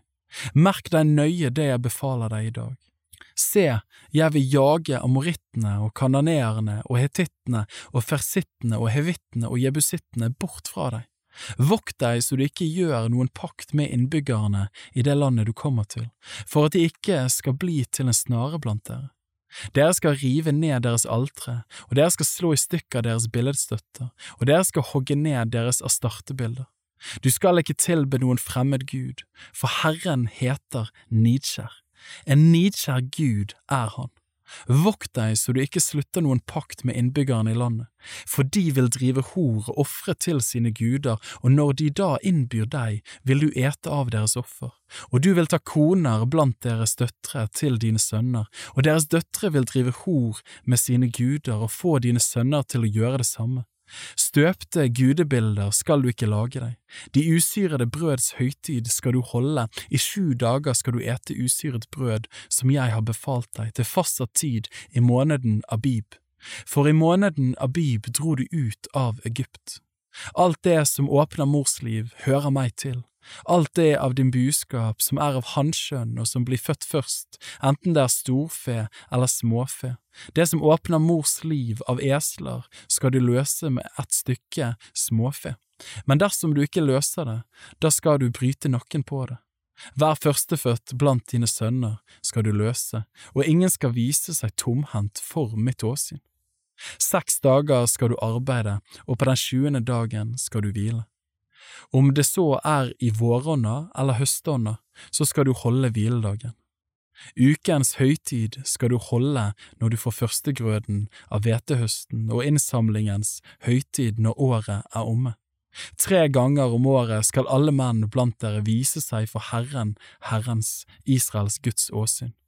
For jeg vil jage hedningene bort for deg og utvide ditt land, og ingen skal ønske å ta ditt land mens du går opp for å vise deg for Herren din Guds åsyn tre ganger om året. Du skal ikke ofre blodet av mitt slakteoffer sammen med syret brød. Og påskehøytidens slakteoffer skal ikke bli liggende natten over til om morgenen.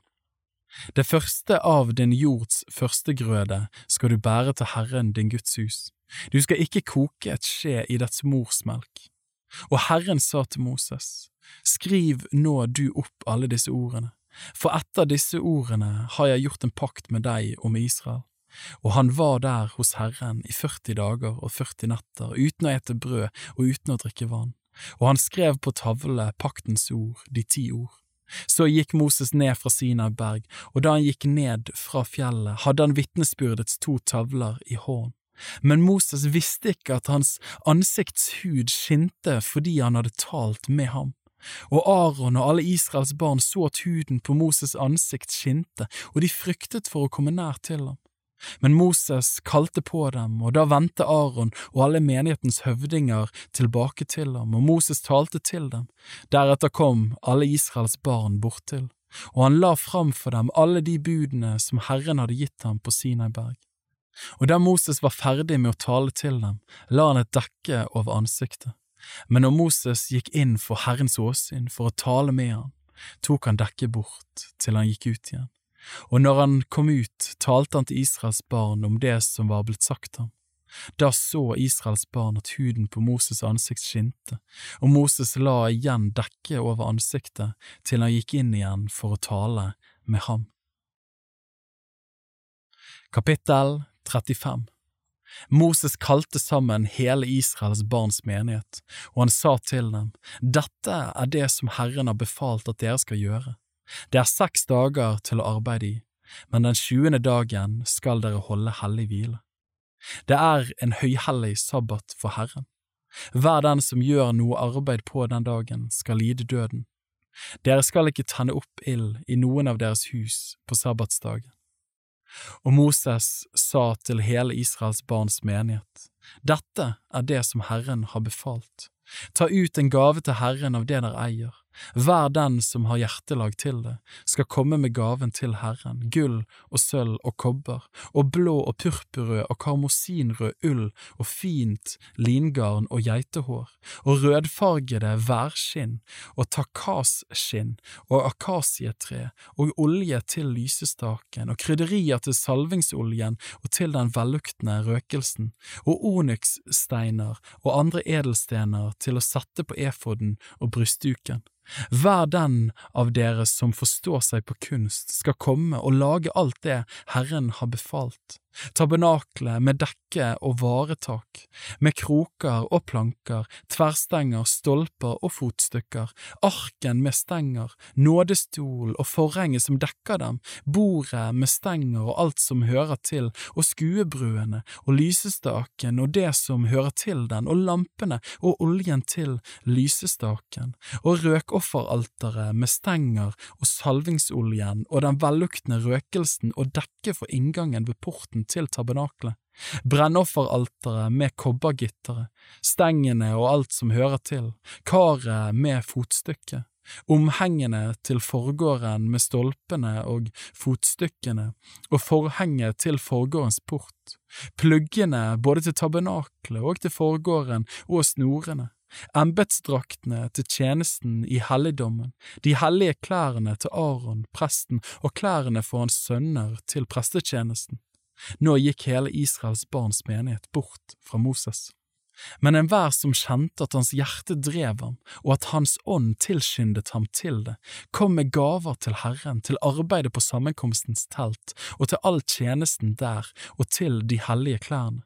Både menn og kvinner kom, alle som hadde hjertelag til det, kom med spenner og øreringer og fingerringer og halskjeder, alle slags saker av gull, og likeså kom hver den som ville vie en gave av gull til Herren, og enhver som eide blå, og purpurrød og karmosinrød ull og fint lingarn og geitehår og rødfarget værskinn og takasskinn, kom med det.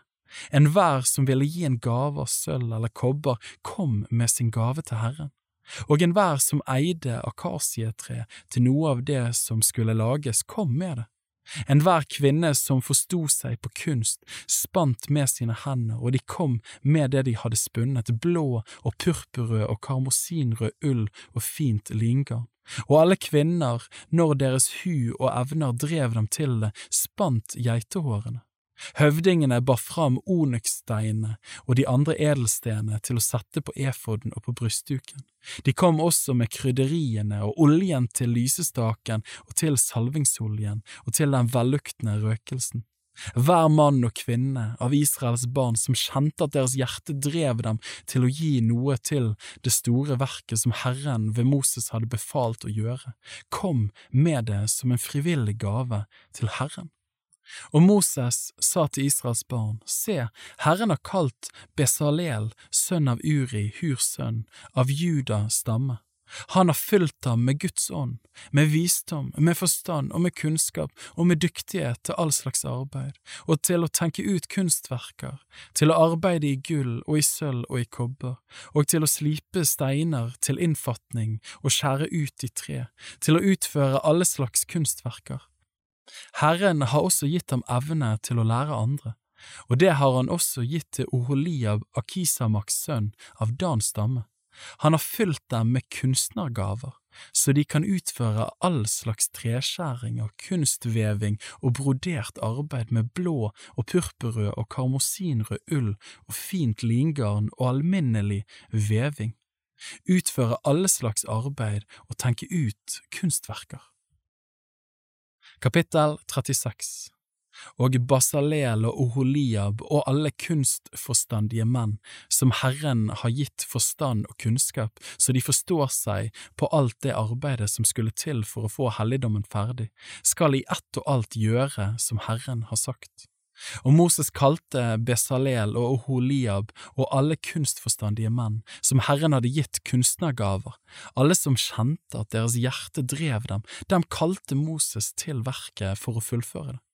Og de fikk hos Moses hele den gaven som Israels barn hadde båret fram til det arbeidet som skulle utføres for å få helligdommen ferdig. Men hele folket bar fremdeles frivillige gaver fram til ham hver morgen. Da kom alle de mennene som forsto seg på kunst og som utførte alt arbeidet ved helligdommen, hver fra det arbeidet han var i ferd med, og de sa til Moses, folket bærer fram mye mer enn det trengs til det arbeidet som Herren har befalt å fullføre. Da lot Moses rope ut i hele leiren, ingen, hverken mann eller kvinne, skal lenger bære noe fram som gave til helligdommen. Så holdt folket opp med å bære fram gaver. Men det som var gitt var nok til hele det arbeidet som skulle fullføres, ja, mer enn nok. Og de kunstforstandige blant dem som var med i arbeidet, laget så tabernaklet av ti tepper, av fint tvunnet lingarn og blå, purpurrød og karmosinrød ull ble teppene laget, med kiruber på i kunstveving. Hvert teppe var 28 al langt og 4 al bredt, alle teppene holdt samme mål. Fem av teppene festet de sammen, den ene til det andre, og likeså de fem andre teppene. Og de laget hemper av blå ull i kanten på det ene teppet, ytterst der hvor begge skulle festes sammen. Det samme gjorde de i kanten på det ytterste teppet, der hvor den andre sammenføyingen skulle være. 50 hemper laget de på det ene teppet, og 50 hemper laget de ytterst på det andre teppet, der hvor de skulle festes sammen.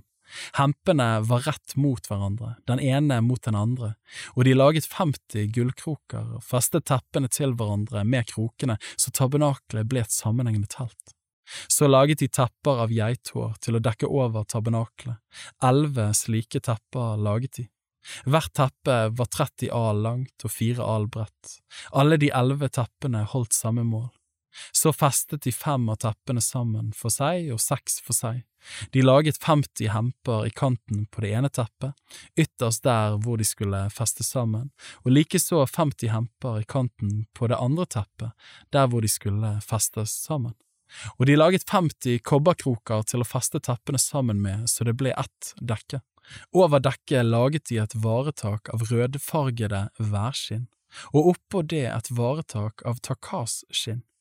Plankene til tabernaklet laget de av akasietreet og reiste dem på ende, hver planke var ti al lang og halvannen al bred, på hver planke var det to tapper med en tverrlist imellom, slik gjorde de med alle plankene til tabernakelet og av plankene som de laget til tabernaklet, reiste de 20 planker på den ene siden som vendte mot sør, og 40 fotstykker av sølv laget de til å sette under de 20 plankene, to fotstykker under hver planke til å feste begge tappene i.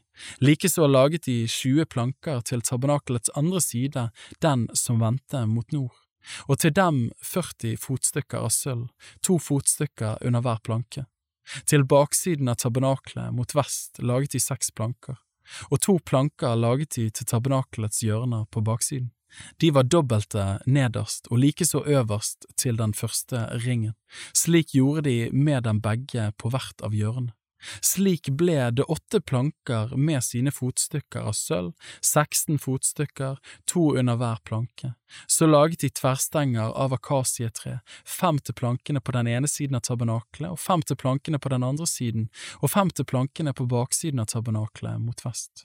Den mellomste tverrstangen satte de slik at den gikk tvers over midt på plankeveggen, fra den ene enden til den andre. Plankene kledde de med gull og ringene på dem som tverrstengene skulle stikkes i, laget de helt av gull. Tverrstengene kledde de også med gull. Så laget de forhenget av blå og purpurrød og karmosinrød ull og fint vunnet lingarn.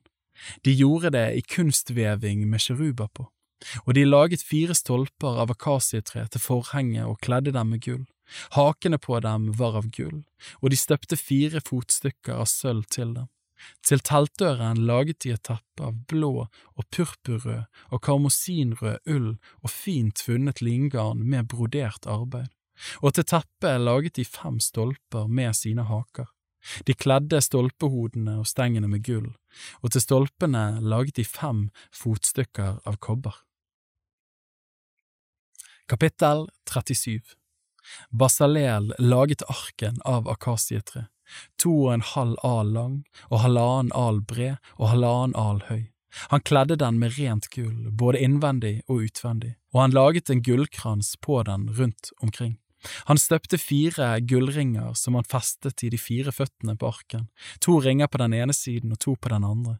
Så laget han stenger av akasietre og kledde dem med gull, og han stakk stengene inn i ringene på siden av arken, så arken kunne bæres. Så laget han en nådestol av rent gull, to og en halv al lang og halvannen al bred, og han laget to sjeruber av gull. I hamret arbeid laget han dem og satte dem ved begge endene av nådestolen, en sjerub ved den ene enden og en sjerub ved den andre enden. Han laget sjerubene i ett med nådestolen, en på hver ende av den. Kirubene holdt vingene utspent og oppløftet, så de dekket over nådestolen med vingene. De vendte ansiktet mot hverandre, mot nådestolen vendte kjerubene sitt ansikt. Så laget han bordet av akasietre, to al langt og en al bredt og halvannen al høyt. Han kledde det med rent gull og laget en gullkrans på det rundt omkring. Og han laget en list på det av en håndsbredde rundt omkring, og rundt om listen laget han en gullkrans. Så støpte han fire gullringer til det, og satte ringene i de fire hjørnene på de fire føttene. Like ved listen satte ringene til å stikke stengen i, så bordet kunne bæres. Stengene laget han av akasietre og kledde dem med gull. Med dem skulle bordet bæres. Så laget han karene som skulle stå på bordet av rent gull, fatene og skålene som hørte til bordet, og begrene og kanene som det skulle ofres drikkeoffer med. Og han laget lysestaken av rent gull, i hamret arbeid laget han den. Både foten på den og stangen, begrene og knoppene og blomstene var i ett med lysestaken. Seks armer gikk ut fra dens sider, tre på den ene siden og tre på den andre. Det var tre beger formet som mandelblomster med knopp og blomst på den første armen, og tre beger formet som mandelblomster med knopp og blomst på den andre armen. Slik var det på alle de seks armene som gikk ut fra lysestaken. På selve lysestaken var det fire beger formet som mandelblomster med knopper og blomster, én knopp under de to første armene i ett med den, og én knopp under de to neste armene i ett med den, og én knopp under de to øverste armene i ett med den, én knopp under hvert par av de seks armene som gikk ut fra lysestaken. Både knoppene og armene var i ett med staken, alt sammen var ett hamret arbeid av rent gull. Så laget han sju lamper til lysestaken og lysesakser og brett av rent gull til den. Han brukte én talent rent gull til lysestaken og alle redskapene som hørte til den. Så laget han røkofferalteret av akasietre. Det var én al langt og én al bredt, firkantet og to al høyt. Hårene på alteret var i ett med det. Han kledde alteret med rent gull, både ovenpå og på sidene rundt omkring og på hårene, og han laget en gullkrans på det rundt omkring. Han laget to gullringer til det og satte dem nedenfor kransen, på begge sider av det, to på hver side. De skulle være til å stikke stenger i, så alteret kunne bæres med dem. Stengene laget han av akasietre og kledde dem med gull. Så laget han den hellige salvingsoljen og den rene røkelsen av velluktende krydderier, slik som salveblanderne lager den. Kapittel 38 Så laget han brennofferalteret av akasietre. Det var fem al langt og fem al bredt, firkantet og tre al høyt. Og han laget et horn på hvert av de fire hjørnene, og hornet var i ett med alteret. Han kledde det med kobber. Deretter laget han alle de redskapene som hørte til alteret, bøttene og ildskuffene og skålene til å stenke blod med, kjøttgaflene og fyrfatene, alle disse redskapene laget han av kobber. Til alteret laget han et gitter, et nettverk av kobber, og han satte det under alterets avsats nederst så det rakk til midt på alteret. Og han støpte fire ringer til de fire hjørnene av kobbergitteret til å stikke stengen i. Stengene laget han av akasietre og kledde dem med kobber. Han stakk stengene inn i ringene på alterets sider så det kunne bæres med dem. Alteret laget han av bord så det var hult. Siden laget han av karet og dets fotstykke av kobber. Til dette brukte han speil av kobber, som tilhørte de kvinner som gjorde tjeneste ved inngangen til sammenkomstens telt. Så laget han forgården, på den ene siden, som vendte mot sør, laget han omhengende til forgården av fint tvunnet lingarn, hundre al lange. Han laget de tjue stolpene og de tjue fotstykkene til dem av kobber. Hakene på stolpene og stengene til dem laget han av sølv. På nordsiden laget han også omheng hundre al lange. De tjue stolpene og de tjue fotstykkene til dem var av kobber, og hakene på stolpene og stengene til dem var av sølv. På vestsiden laget han omheng på 50 al, og han laget de ti stolpene og de ti fotstykkene som hørte til. Hakene på stolpene og stengene til dem var av sølv. På forsiden mot øst laget han også omheng på 50 al. De var 15 al på den ene kanten, med tre stolper og de tre fotstykkene til dem, og de var 15 al på den andre kanten, med tre stolper og de tre fotstykkene til dem. Slik ble det likt på begge sider av porten til forgården.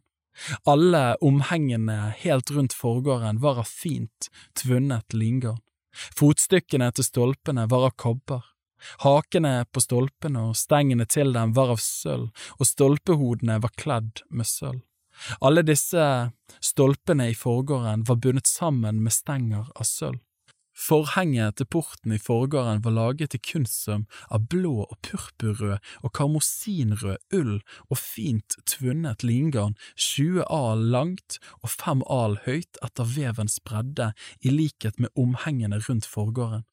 De fire stolpene og de fire fotstykkene til dem var av kobber, hakene på dem var av sølv, stølpehodene var kledd med sølv og stengene til dem var av sølv. Alle pluggene til tabernaklet og til forgården omkring den var av kobber. Her følger regnskapet over det som gikk med til tabernaklet, vitnesbyrdets telt. Moses befalte levittene å sette det opp, og Itamar, sønn av Aron, presten, foresto utregningen. Besalel, sønn av Uri, Hurs sønn av Judas stamme, var den som gjorde alt det Herren hadde befalt Moses, og sammen med ham Oholiab, Akisamaks sønn av Dans stamme, som var kyndig i utskjæring og i kunstveving og utsying med blå og purpurrød og karmosinrød ull og med fint lingarn.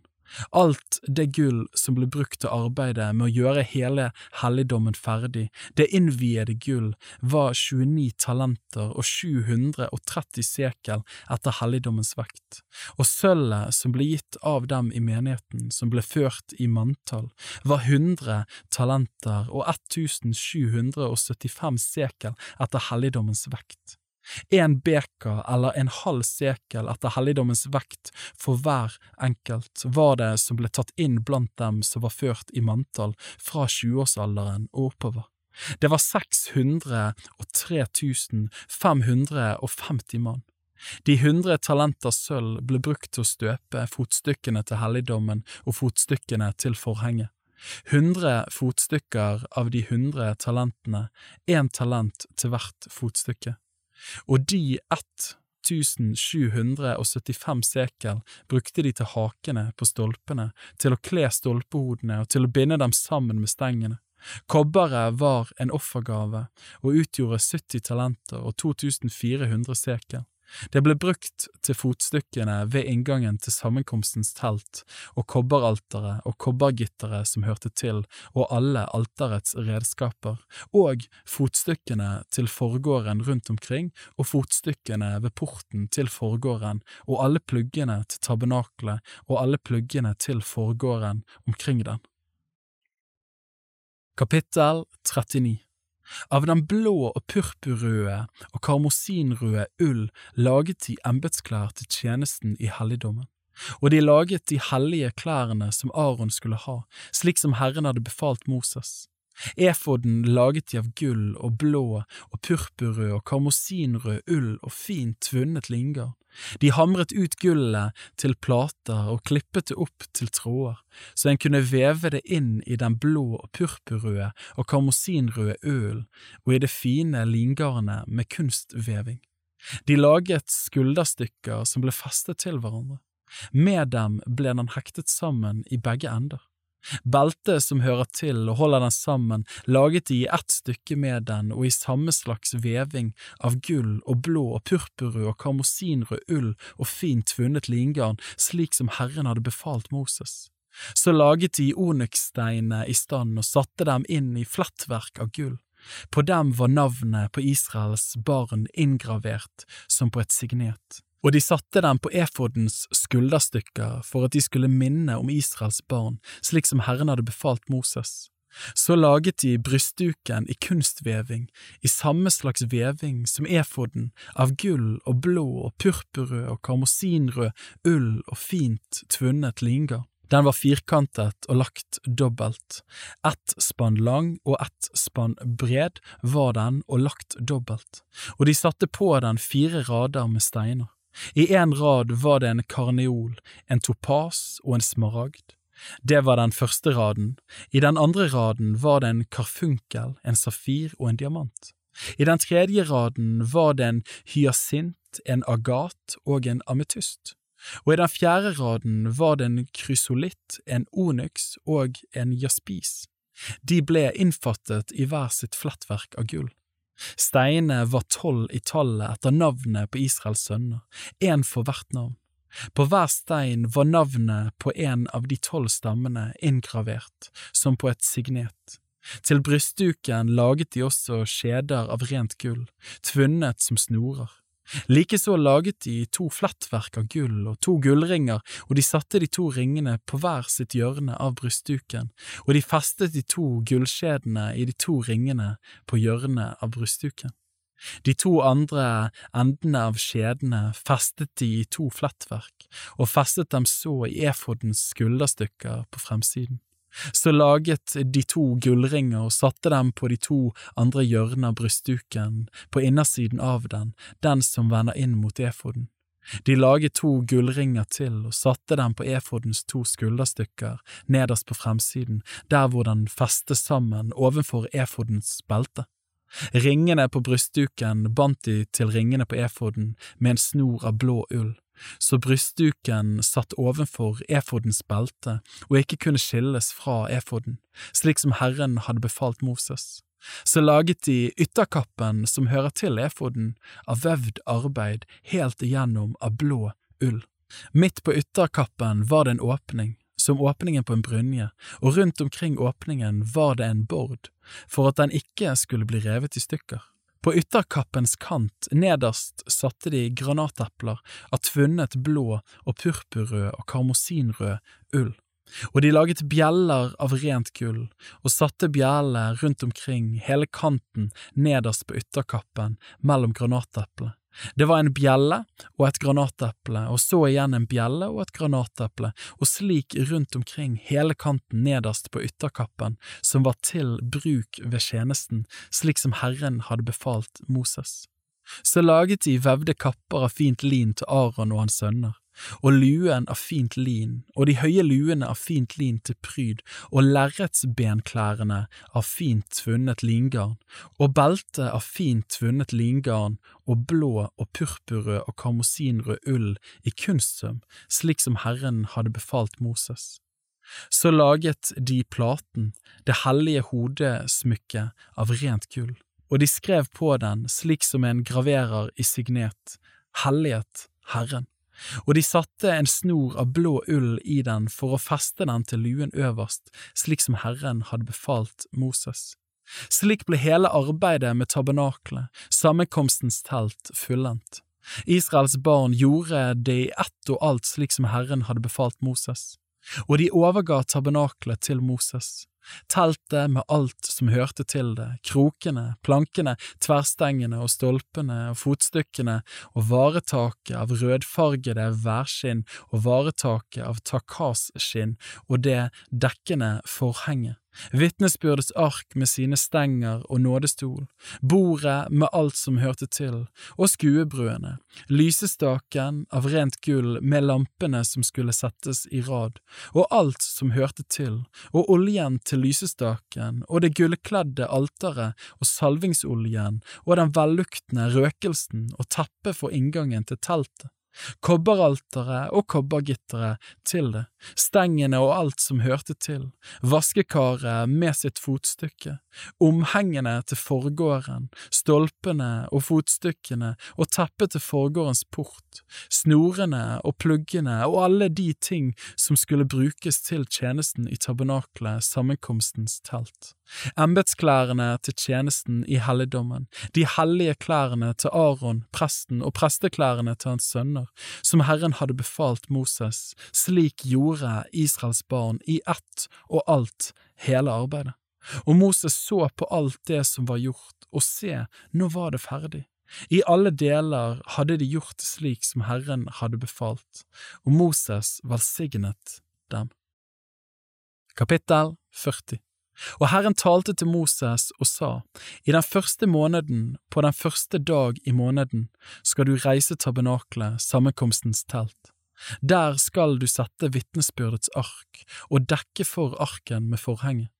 Så skal du sette inn bordet, og på det skal du legge alt det som skal ligge der, og du skal bære inn lysestaken og sette opp lampene på den. Du skal sette det gullkledde røkofferalteret foran vitnesbyrdets ark og henge opp teppet for inngangen til tabernaklet. Brennofferalteret skal du sette foran inngangen til tabernaklet, sammenkomstens telt, og vaskekaret skal du sette mellom sammenkomstens telt og alteret og ha vann i det.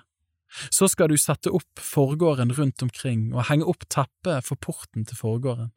Deretter skal du ta salvingsoljen og salve tabernaklet og alt som er i det. Og du skal hellige tabernaklet og alt som hører det til, så det blir hellig.